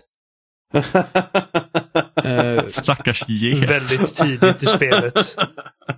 Han stod där och hotade henne och hon bara ah, här är ditt öga liksom. Och så upp i röven och så liksom springer geten iväg och så måste han springa efter sitt öga i röven på den här geten. Eh, nej, men alltså, jag, jag spelar detta spelet lite på autopilot. Och för att det är som du sa förut att det, det är inte ett, liksom, jag skulle inte säga att detta är ett bra stealth-spel. Liksom. Alltså det, det kräver väldigt lite av mig. Jag taggar alla fiender i, i det här liksom eh, i den här typ basen eller vad det nu är jag ska ta mig an och så, och så liksom är det ganska lätt också liksom att bara välja en väg. Liksom. Så, så man plockar dem en efter en och sen är det färdigt. Liksom. Och det, är- det är väldigt lite motstånd. och Alltså AI är ju jättedum också. Jag, jag, kommer, jag, jag skulle slänga en kastkniv. Eh, på en fiende. Jag slängde en kastkniv i ansiktet på honom. På något vänster så dog han inte av det så han bara What the? Vad var det?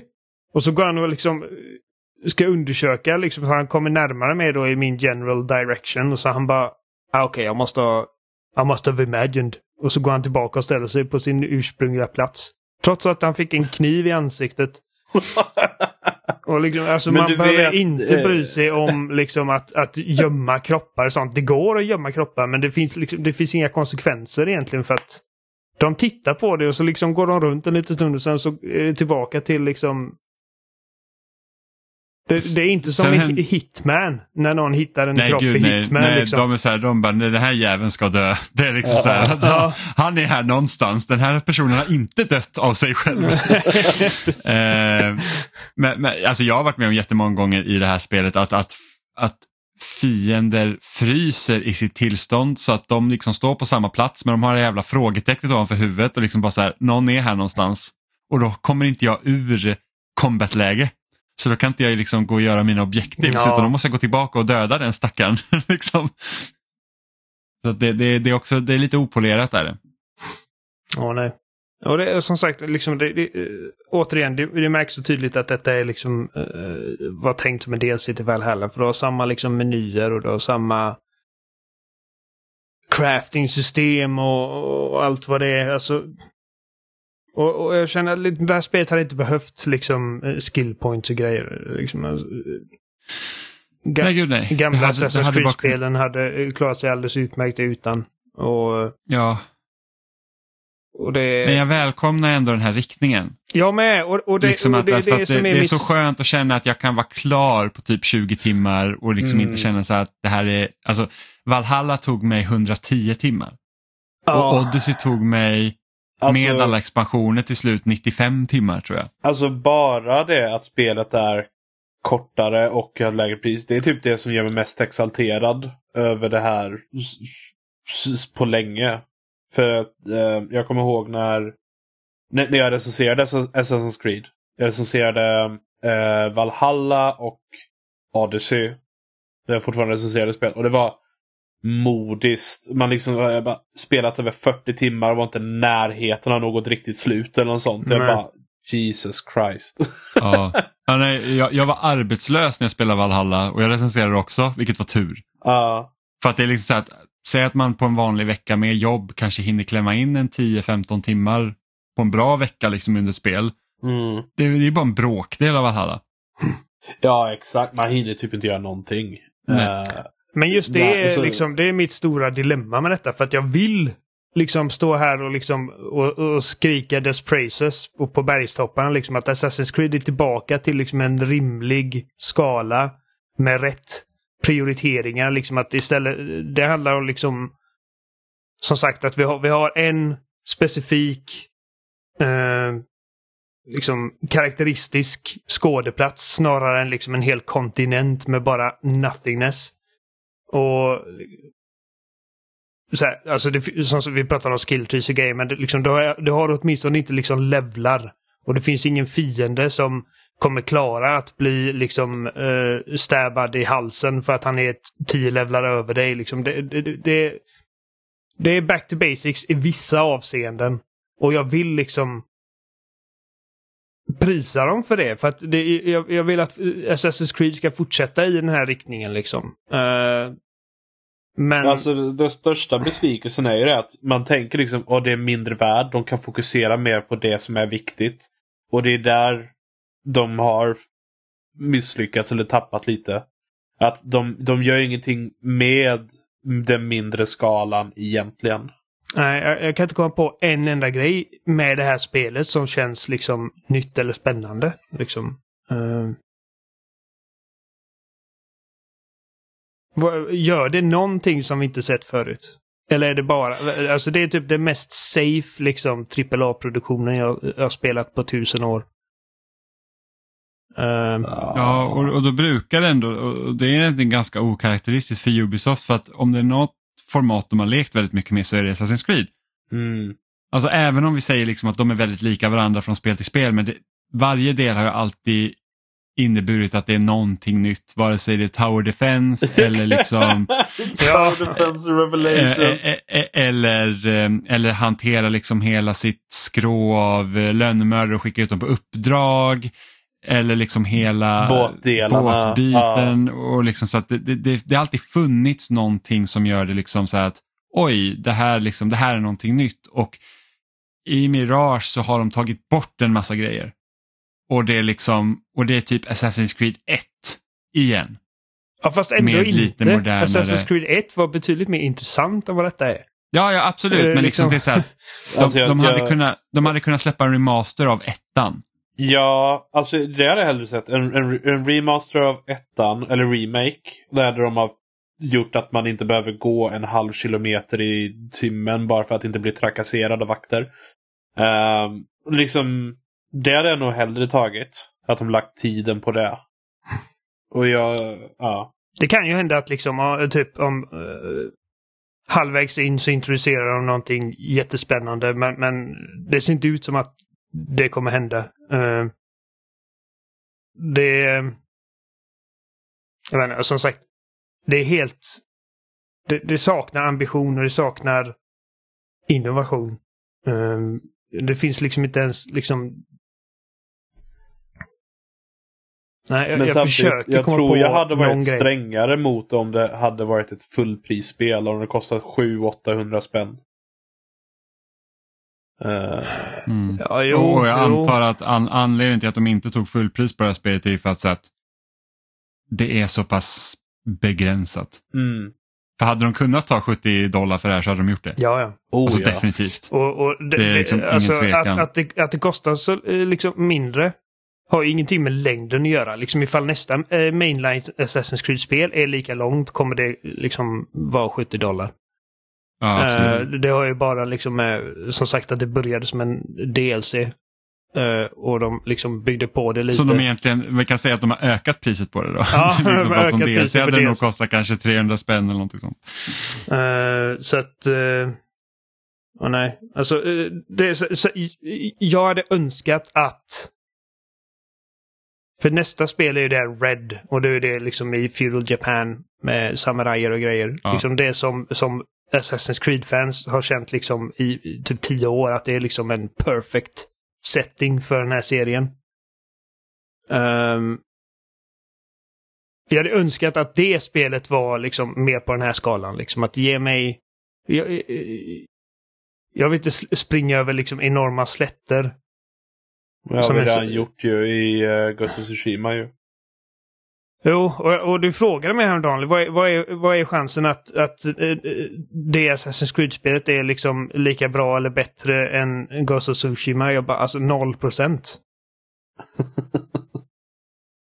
Men jag blir gärna överbevisad, men, men Ghost of Tsushima var jävligt bra. Och, eh, och det är en sån grej liksom, Ghost of, Sucker Punch liksom vann på att Ubisoft inte fick tummen i röven.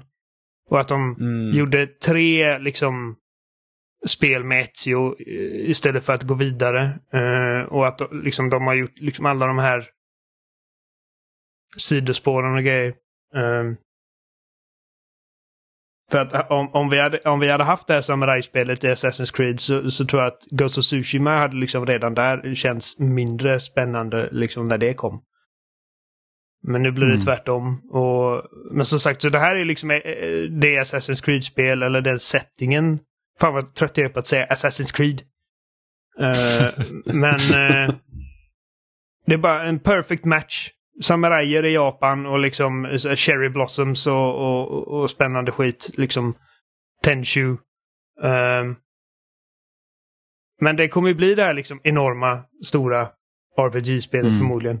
Uh, bloated. Precis, och, och det är ändå, jag må- måste tänka på liksom att vi, jag säger- säkert du också Adam, känner väl liksom att ett klassiskt Assassin's Creed med ordentlig liksom tid och budget hade ju varit att föredra. Mm. Men jag skulle nästan gissa på att serien har väl aldrig varit större än vad den egentligen är nu med Odyssey och Valhalla. Att de flesta fansen sitter ju och vill säkert ha ett stort RPG. Ja. Ja. det är ju det. Massan talar.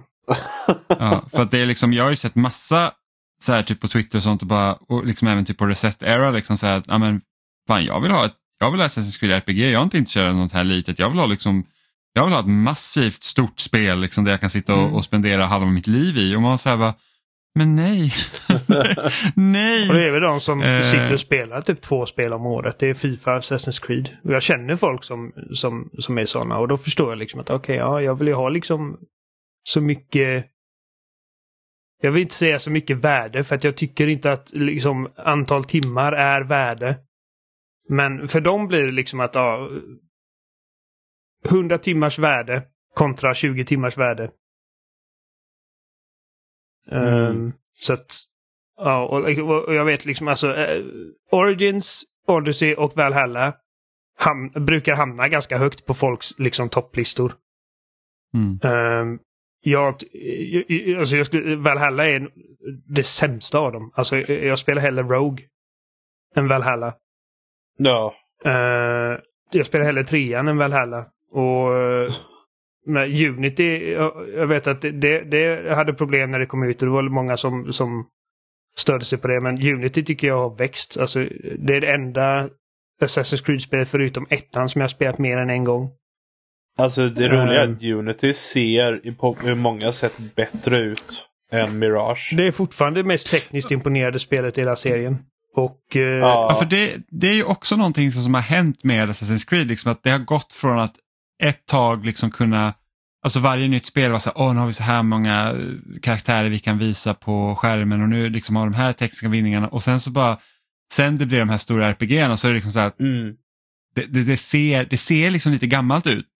Ja. Mirage Och eftersom det här ut, bygger på Valhalla, ja, och eftersom det här bygger, alltså även om staden, jag tycker fortfarande staden ser liksom bra ut, men liksom karaktärsmodellerna ser lite risiga ut och sen så har de ju fortfarande de här barnen som ser ut som gamla tanter. Det, det är liksom, så det, det är liksom lite synd att man inte liksom, att det känns liksom inte som att den här stora liksom Ubisofts flaggskeppsserie egentligen försöker bära någonting mer än att komma ut och hova in lite kosing på grund av namnet. Ehm, och det här var ju ganska intressant för att vi, jag nämnde det nog för två eller tre avsnitt sedan, eh, som jag sa att jag läst på Twitter, det här med, med liksom att, att anledningen till att, att eh, stora utgivare är problem för att de inte har eh, de har inte anpassat sig efter det digitala formatet. Eh, och det var ju från Xbox-läckan med Phil Spencer Mm. som, som det uttalandet kom från. Jag, jag trodde det var någon liksom random snubbe som hade någon så business insight som sa det, men det var ju det, var det här med att förut så var det ju AAA-utgivarna som egentligen styrde hela marknaden för det var de som behövde ge ut de mindre spelen. Mm. Eh, och sen när, när eh, butikerna blev digitala så helt plötsligt var det en mycket mindre barriär att släppa spel. du behöver liksom inte gå igenom, om du inte vill, gå igenom liksom de här stora utgivarna som EA och Ubisoft och de, så de, de, liksom, de förlorar egentligen den delen av investeringar och projekt liksom, som de kan liksom få in lite mer pengar ifrån för att då finansiera eh, sina spel. Eh, och det de har gjort de senaste åren då det är det att de har ju inte liksom försökt skapa nya serier att tjäna pengar på utan de har liksom pumpat in mer pengar i sina serier som drar in mer pengar för att liksom då jaga det här oändliga growth eh, Mm. som, som, som inte är hållbart. Och det är ju väldigt få utgivare som kan liksom pumpa in typ 200-300 miljoner dollar i budget på ett spel. Mm. Eh, som, som liksom till exempel Rockstar, liksom deras spel är jättedyra och, och liksom även Naughty Dogs vet vi att, jag tror det var Last of Us Part 2 som också, Det Man trodde hade typ en budget på 200. Ja, 220 miljoner eller något sånt. precis, och att man liksom så här att istället för att satsa på att skapa fler upplevelser så pumpar man in allt i sitt ena kort och när det korthuset faller sen så då har du ingenting att stå på längre. Och det är så man liksom, så att AAA-delen av branschen äter upp sig själv för att de liksom de är för konservativa egentligen kan man säga och, och de har byggt den här eh, förväntningen, liksom då de som spelar, vi som spelar, att det är så att nej, nästa del ska liksom vara större, snyggare och bättre och nu sitter vi liksom och säger att ja, men Mirage ser gammalt ut men det är liksom det är det de har. För de har målat sig in det i det hörnet, liksom att det, det är liksom, Det de de, begränsar sin portfolio. det är de som byggt det här och sätter våra förväntningar. Eh, på sätt och vis. Vi kan ju sitta och försöka vara realistiska hela dagarna men det är ju det är ju de som ger oss produkterna och sätter liksom, ja det här är, ja, jag vet inte. Det, det är bisarrt hela alltet. Eh, hela marknaden just nu. Ver- Ja, och, och liksom just det här med att, för det, det här har vi nämnt, jag har nämnt det flera gånger, så vi sitter ju och spelar samma spel som för liksom 15 år sedan. Ja, Det är Call of Duty 20 någonting och det är Assassin's Creed 15 och det är liksom om man jämför då det året Assassin's Creed kom ut, hur industrin såg ut då liksom bland de stora utgivarna och liksom vad som kom för spännande spel jämfört med liksom idag. ja Mass Effect, är- Bioshock, eh, det är samma år som SS. Nej, jo, Assassin's Creed var 2007. Ja. Ja, precis. Eh, Så att, Det är galet. så att, att liksom, och jag förstår ju att det är riskfyllt att pumpa in en massa pengar i okända varumärken men samtidigt de har ju liksom förstorat sina kända varumärken så himla mycket att det helt plötsligt står det och faller med dem. Liksom. Ja. Mm. Eh, Activision släpper ju typ inga spel förutom Call of Duty. Nej, och Activision de äger en massa varumärken men de, de gör ingenting med det. Nej, så att det, det, det är liksom någonting måste hända och jag tror ju liksom det att jag tror inte att man kan liksom budgetera spelen så högt liksom längre för att man kan inte förvänta sig att ett spel, alltså för, för det var typ det Epic började göra med Gears of War. För de började ju märka att liksom, okay, för varje nytt Gears vi gör så, så typ budgeten ökar för mycket. Mm. Spelarna blir inte fler. Och då är det så här, helt plötsligt så ökar vi kostnaden men vi har fortfarande samma mängd som spelar och även om vi säger att första gear sålde liksom skitmycket exemplar och det, liksom så här, det blir skumpa och, och liksom fira det och så kommer tvåan, säg att dubblera budgeten på skoj och det är samma mängd människor som köper tvåan. Och sen så blir budgeten mycket högre för trean och det är samma människor som köper trean. Det kanske kom, tillkommer lite men inte tillräckligt mycket för hur budgeten blir och det var ju då de sadlade om. Eh, så att det är ju, Men det är också det som är så intressant med att studior försöker vända till ehm, Games as a Service. För det är ju nästan ännu mer begränsat egentligen. För visst, man kan ju nå en enorm publik men det, det finns bara så många timmar på dygnet människor kan spela. Det finns bara så många människor. Och det ja finns gud ja. jag har inte tid. Det enda Forever-spelet jag äh, lägger tid på egentligen, det är Destiny 2. Jag har inte tid med något annat. Jag orkar inte med att kasta mig in i Diablo och spela det varje säsong. Nej, alltså jag har ju slutat spela multiplayer-spel. Ja. Jag spelar i princip inga multiplayer-spel längre för att jag, jag, jag känner mig säljer jag. Ja, alltså jag känner mig stressad över att det är liksom season pass och det är liksom för att är det ett spel jag tycker om, då är det så att, ja, men då vill man ju hänga på. Men jag vill ju känna, inte känna mig tvingad till att spela ett spel. Men, Eh, för det är liksom, så var det typ i Gears, man håller liksom igång i början och sen så bara man missar någon säsong och sen blir det så här, ah, jag missar det där som jag kanske har varit med på och nu känner jag liksom, jag har ingen motivation till att spela vidare. Mm. Overwatch 2, säsong 7 börjar. Man- Jag var inte ens med på typ säsong 1. Det är, liksom, det, det, det är bara liksom, det har blivit, de försöker liksom kräma ur så mycket tid från en hela tiden att allt är liksom, ska man göra någonting i de här spelen så känns det bara som att det är en jävla time sink. Det går, liksom, det går ju att hoppa in och köra liksom några matcher och ha kul men, men liksom allt, alla menyer, allt i de spelen skriker bara efter uppmärksamhet. Ja. Och det, det genererar ju inte särskilt mycket vinst heller för att majoriteten av dem verkar ju typ gå åt skogen. Eh, Ja, men all, alla letar typ efter the unicorn liksom. ja. De vill bli nästa Fortnite. Ja. Eh, det var ju som det här Sega-spelet Hyenas som har, har fått en massa previews för typ några veckor sedan och sen lades det ner. Ja.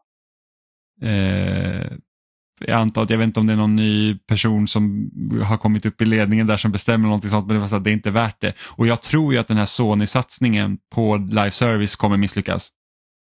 Jag, jag, jag Eh, tror att det kommer fungera med något enstaka. Jag tror att det Bungie-projekten kan lyckas för att de har erfarenhet med det. Men deras andra eh, hus och sånt som inte har erfarenhet. Jag tror det, de kommer nog faila tror jag. Precis. Det, så, det såg vi nu i veckan när eh, eh, det verkar som att Last of Us 2, eller ja, Factions, Last of Us Factions liksom Ja. är på is. Det är liksom så här helt stannat av. Ja, de har Och- lättat på personal och sånt där.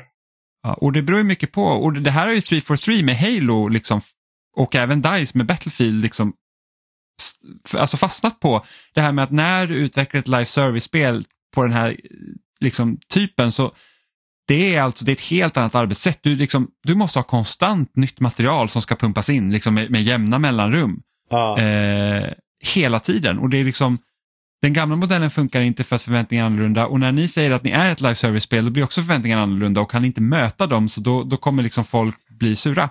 Mm. Eh, och, och det är liksom, nej, det är jättetråkig utveckling så att den bubblan kommer ju att spricka. Ja, så det- enda som är återstår att se är liksom hur många som går under när bubblan spricker där. Ja. Och då tänker man då Sonys liksom stall av studior där de liksom är vana att göra single player-spel eh, av en viss typ. Och sen helt plötsligt ska flera av dem sadla om då och liksom också göra live service-spel. Det liksom kräver ju en helt annan kunskap. Och kanske inte den kunskap man har byggt upp de senaste 10, 15, 20 åren. Ja, när var senast Sony verkligen satsade på ett stort multiplayer-spel? Typ Killzone. Ja, Någonting. Killzone Mag till Playstation 3, för det var väl de Zipper Interactive eller något Ja. sånt. Ja. Precis. Det, de har ingen enorm erfarenhet av det. De har gjort spel med kul multiplayer-lägen som The Last of Us 1. Eh, men inte liksom där kompletta online-satsningar. Det är ju ny mark för dem. Det är väldigt farligt att kasta sig in i det. Ja, och, och speciellt om vi nu tänker att, att de vill liksom ha samma premiumkänsla på sina multiplayer-spel som de har på singleplayer-spelen. Då har Ja. du alltså en utvecklingstid på 5-6 år. Vad hinner inte hända på 5-6 år? Ja, och det är det som har hänt med, vad heter det nu, uh, Rocksteady. De har ju Ja. spenderat på tok för lång tid på att utveckla eh, det spelet. Eh, vad heter det nu? Eh, Suicide Squad. Ja, Suicide Squad.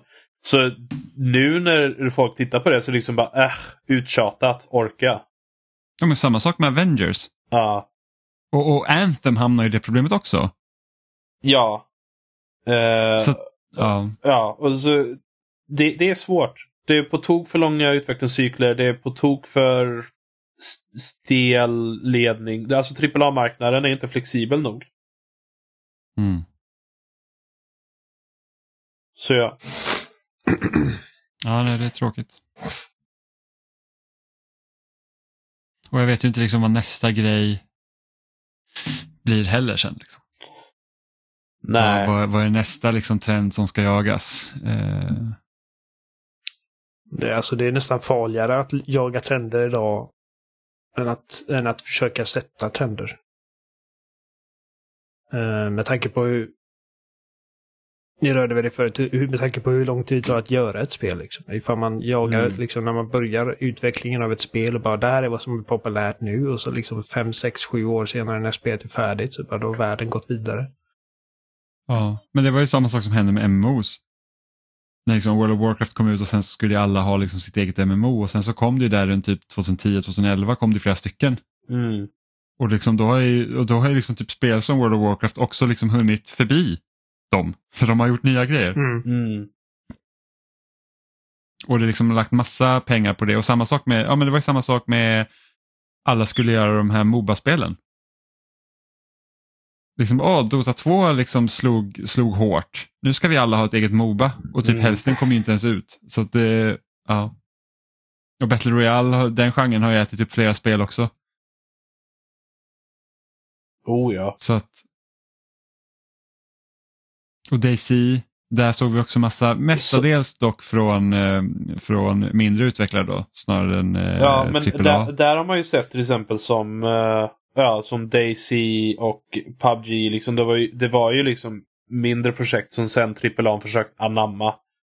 Men, och, och så, så det är ju det är ofta där trenderna börjar. Det är inte de, det är inte de stora företagen. De försöker härma.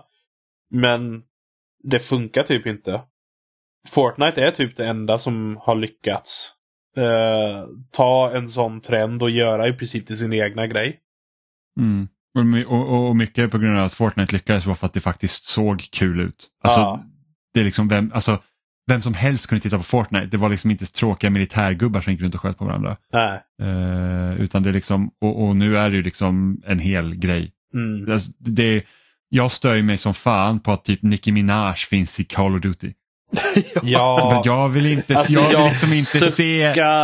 Jag ser det. Jag, men alltså, i, i, ingenting emot liksom Nicki Minaj, jag har liksom ingen åsikt om henne, men liksom så att jag vill inte, jag vill inte typ se Alltså Call of Duty är inte den grejen där man typ slänger in anime-karaktärer och typ Walter White och jag vet inte Nej, allt fan så kan man med Gandalf eller vad som helst. Liksom. King Det, det är Kong och Godzilla. Jag vill inte se, jag vill inte se Gene Simmons eller James Hetfield i Call of Duty heller.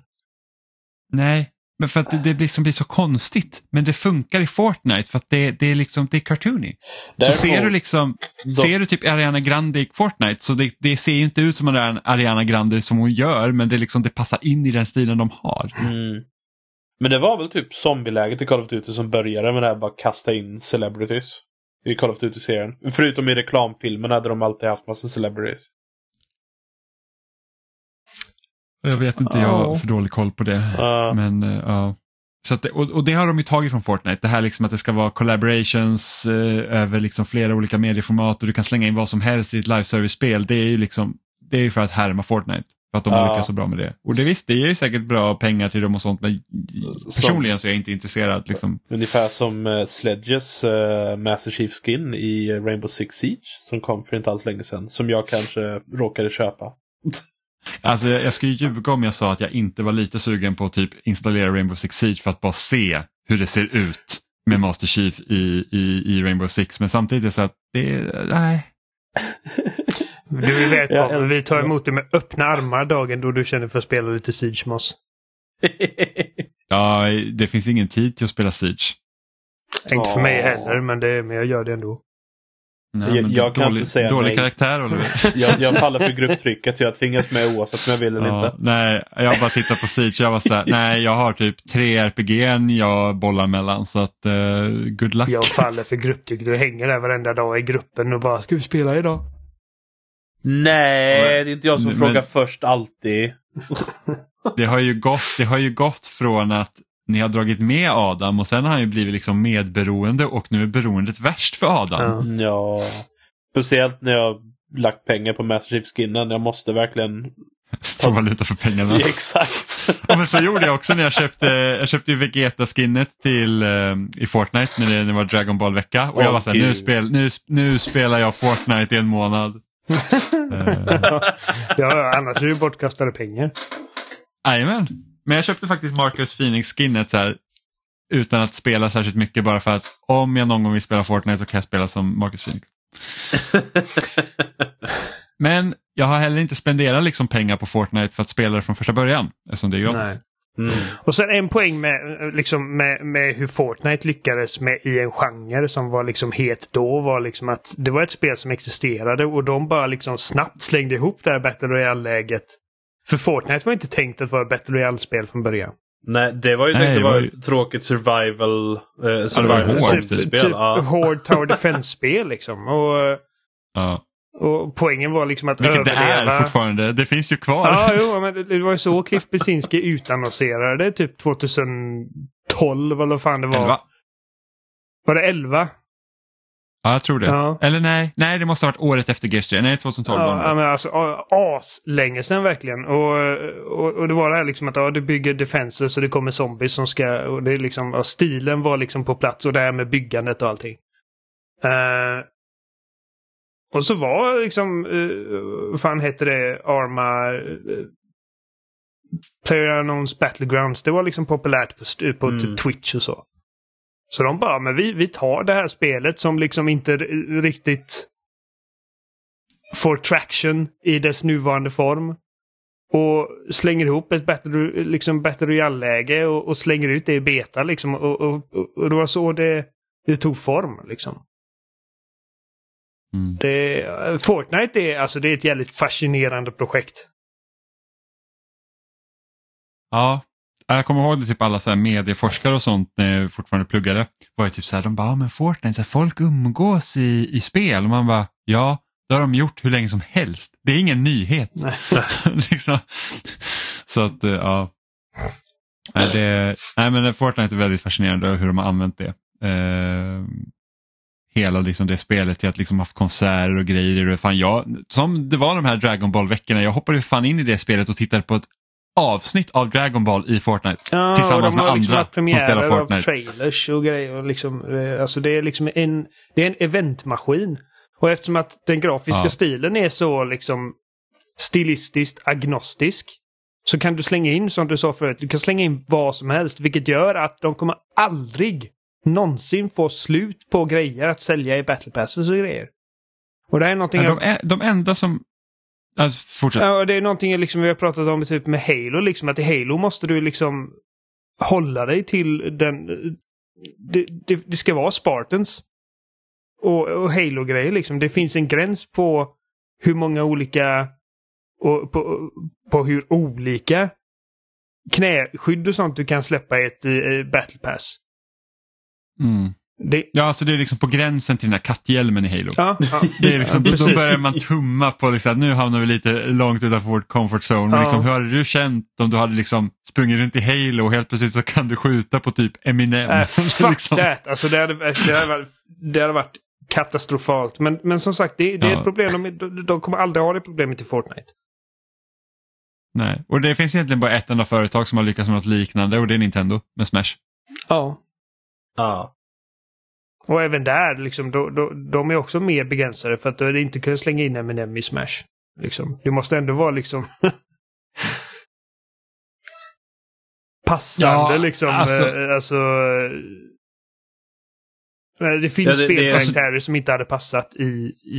Du hade inte kunnat slänga in Ma- eh, Marcus Phoenix i, i Smash. För du måste Ja, tänka på, vi- okej, vilka moves kan vi ge den här karaktären? Ja, ja, ja, ja absolut, men du, så du kan egentligen, alltså, kunde man ge Captain Falcon moves så kan man ju ge liksom Marcus Phoenix moves. Det är väl mer också typ eh, åldersgruppen. Jag menar Marcus Mm, Phoenix precis. sågar ihjäl in och folk. bara sågar Peach mitt i nice! Spruta blod. ja, men, men liksom så, att- så att de har ju lyckats... Eh, nothing but bits. Eh, Mario står bredvid och bara helt traumatiserad. ja, men, men liksom, där, där de hittar liksom att, jag, jag tror att när Snake utannonserades till Smash, då var det nog liksom så här att oj, för han kändes så himla liksom verklig jämfört med de andra karaktärerna som varit med. Mm. Eh, men man har nog kunnat lyckas göra Ja, det, det. ja, på något om man, om man har- verkligen hade ja. velat så... så men men så, i, i, i Fortnite, det enda du behöver göra är att du sätter ett vapen i händerna på karaktären. Liksom. Då, alla ska kunna skjuta. Men vissa sådana här crossover har jag tyckt varit så märkliga. Som till exempel John Wick i Fortnite. Jag bara tänker, hur många alltså den allmänna eh, Fortnite-spelaren är typ 12. Hur många av dem tittar ens på John Wick? Men nej, de får det att fungera ändå, så jag vet inte. Mm. Ja, fan, jag sprang ju runt som Indiana Jones också, för jag gjorde några uppdrag. när det var, så att liksom, då, är, då är det Harrison Fords Indiana Jones man kan spela. Man bara, ja, det, det Herregud. gör man.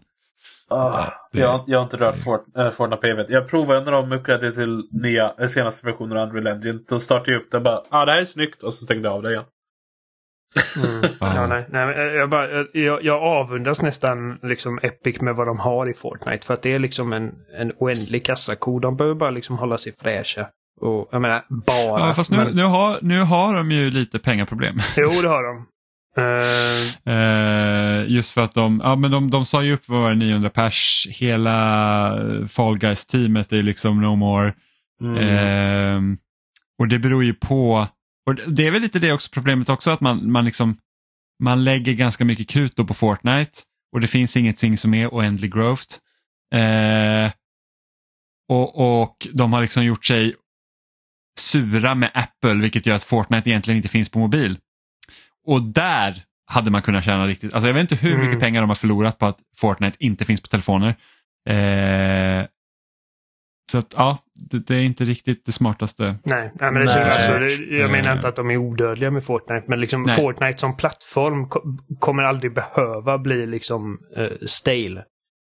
Eh, Nej, nej, om de inte vill. nej. Men det, Och- det kommer ju komma till en gräns där Fortnite inte är så stort. Eller att liksom det ebbar ut och så är det bara stort på sidan om. Det sjukaste vi har i Siege är att man, det finns Rick and Morty skins. Vilket är Jag så jävla dem. jarring. Ja. Oh my fucking god. Och det, och, ja. och som sagt, och det hade inte känts konstigt i Fortnite att se Rick and Morty springa runt. Men i Eh, Siege... det finns. Ja, det finns det säkert. Men, men i Siege är det bara med fan. Men det, alltså det, det måste ju nästan kännas, det, det måste ju vara lite Nightmare Fuel. Man går och springer in och ska rädda hostage och sen kommer Rick där och bara rap och liksom och man bara what? För att det kan ju inte se särskilt bra ut heller, eller? Nej, alltså det, det ser ut som de går runt och har gummimasker. Typ. Ja, precis. Ja. Och det är typ det värsta. Oh, gotta blow out the bomb, Morty! Ja. har, har någon av er sett Rick and Morty?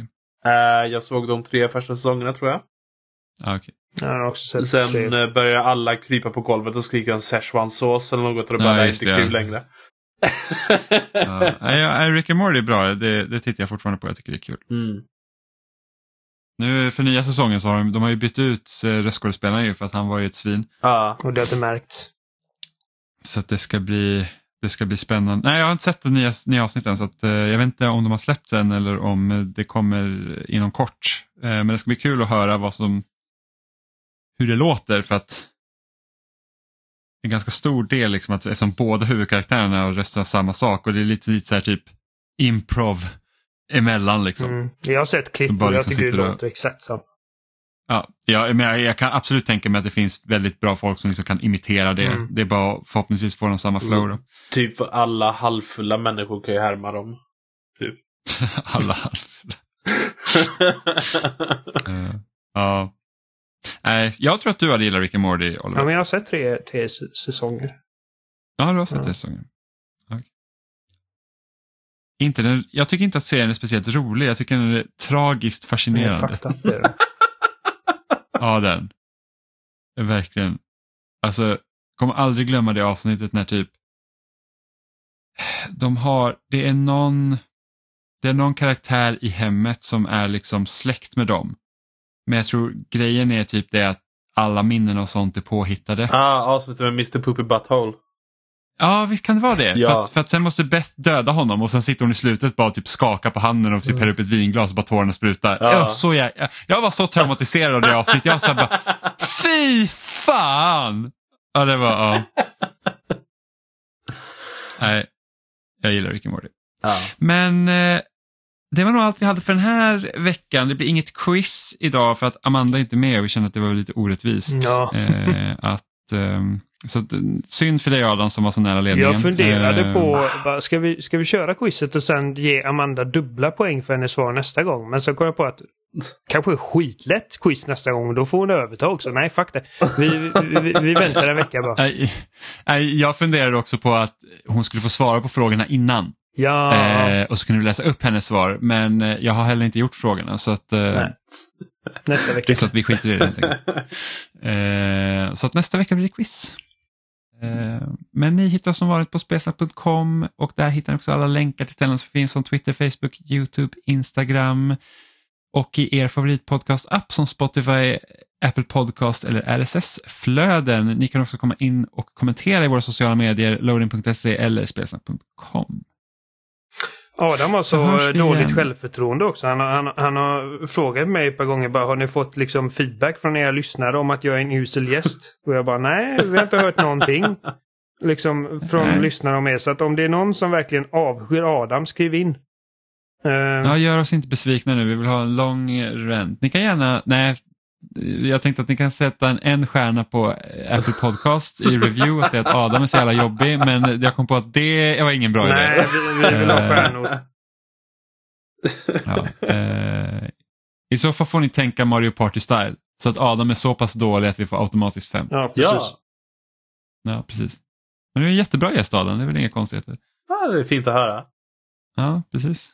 Jag lovar, du bara, du bara Åh, hatar de mig? Ge mig kommentarer. Om psykologi. Eh, men vad kul att du vill vara med Adam. Det är ingen fara. På återseende och så hörs vi igen nästa vecka. Hej då! Hej då.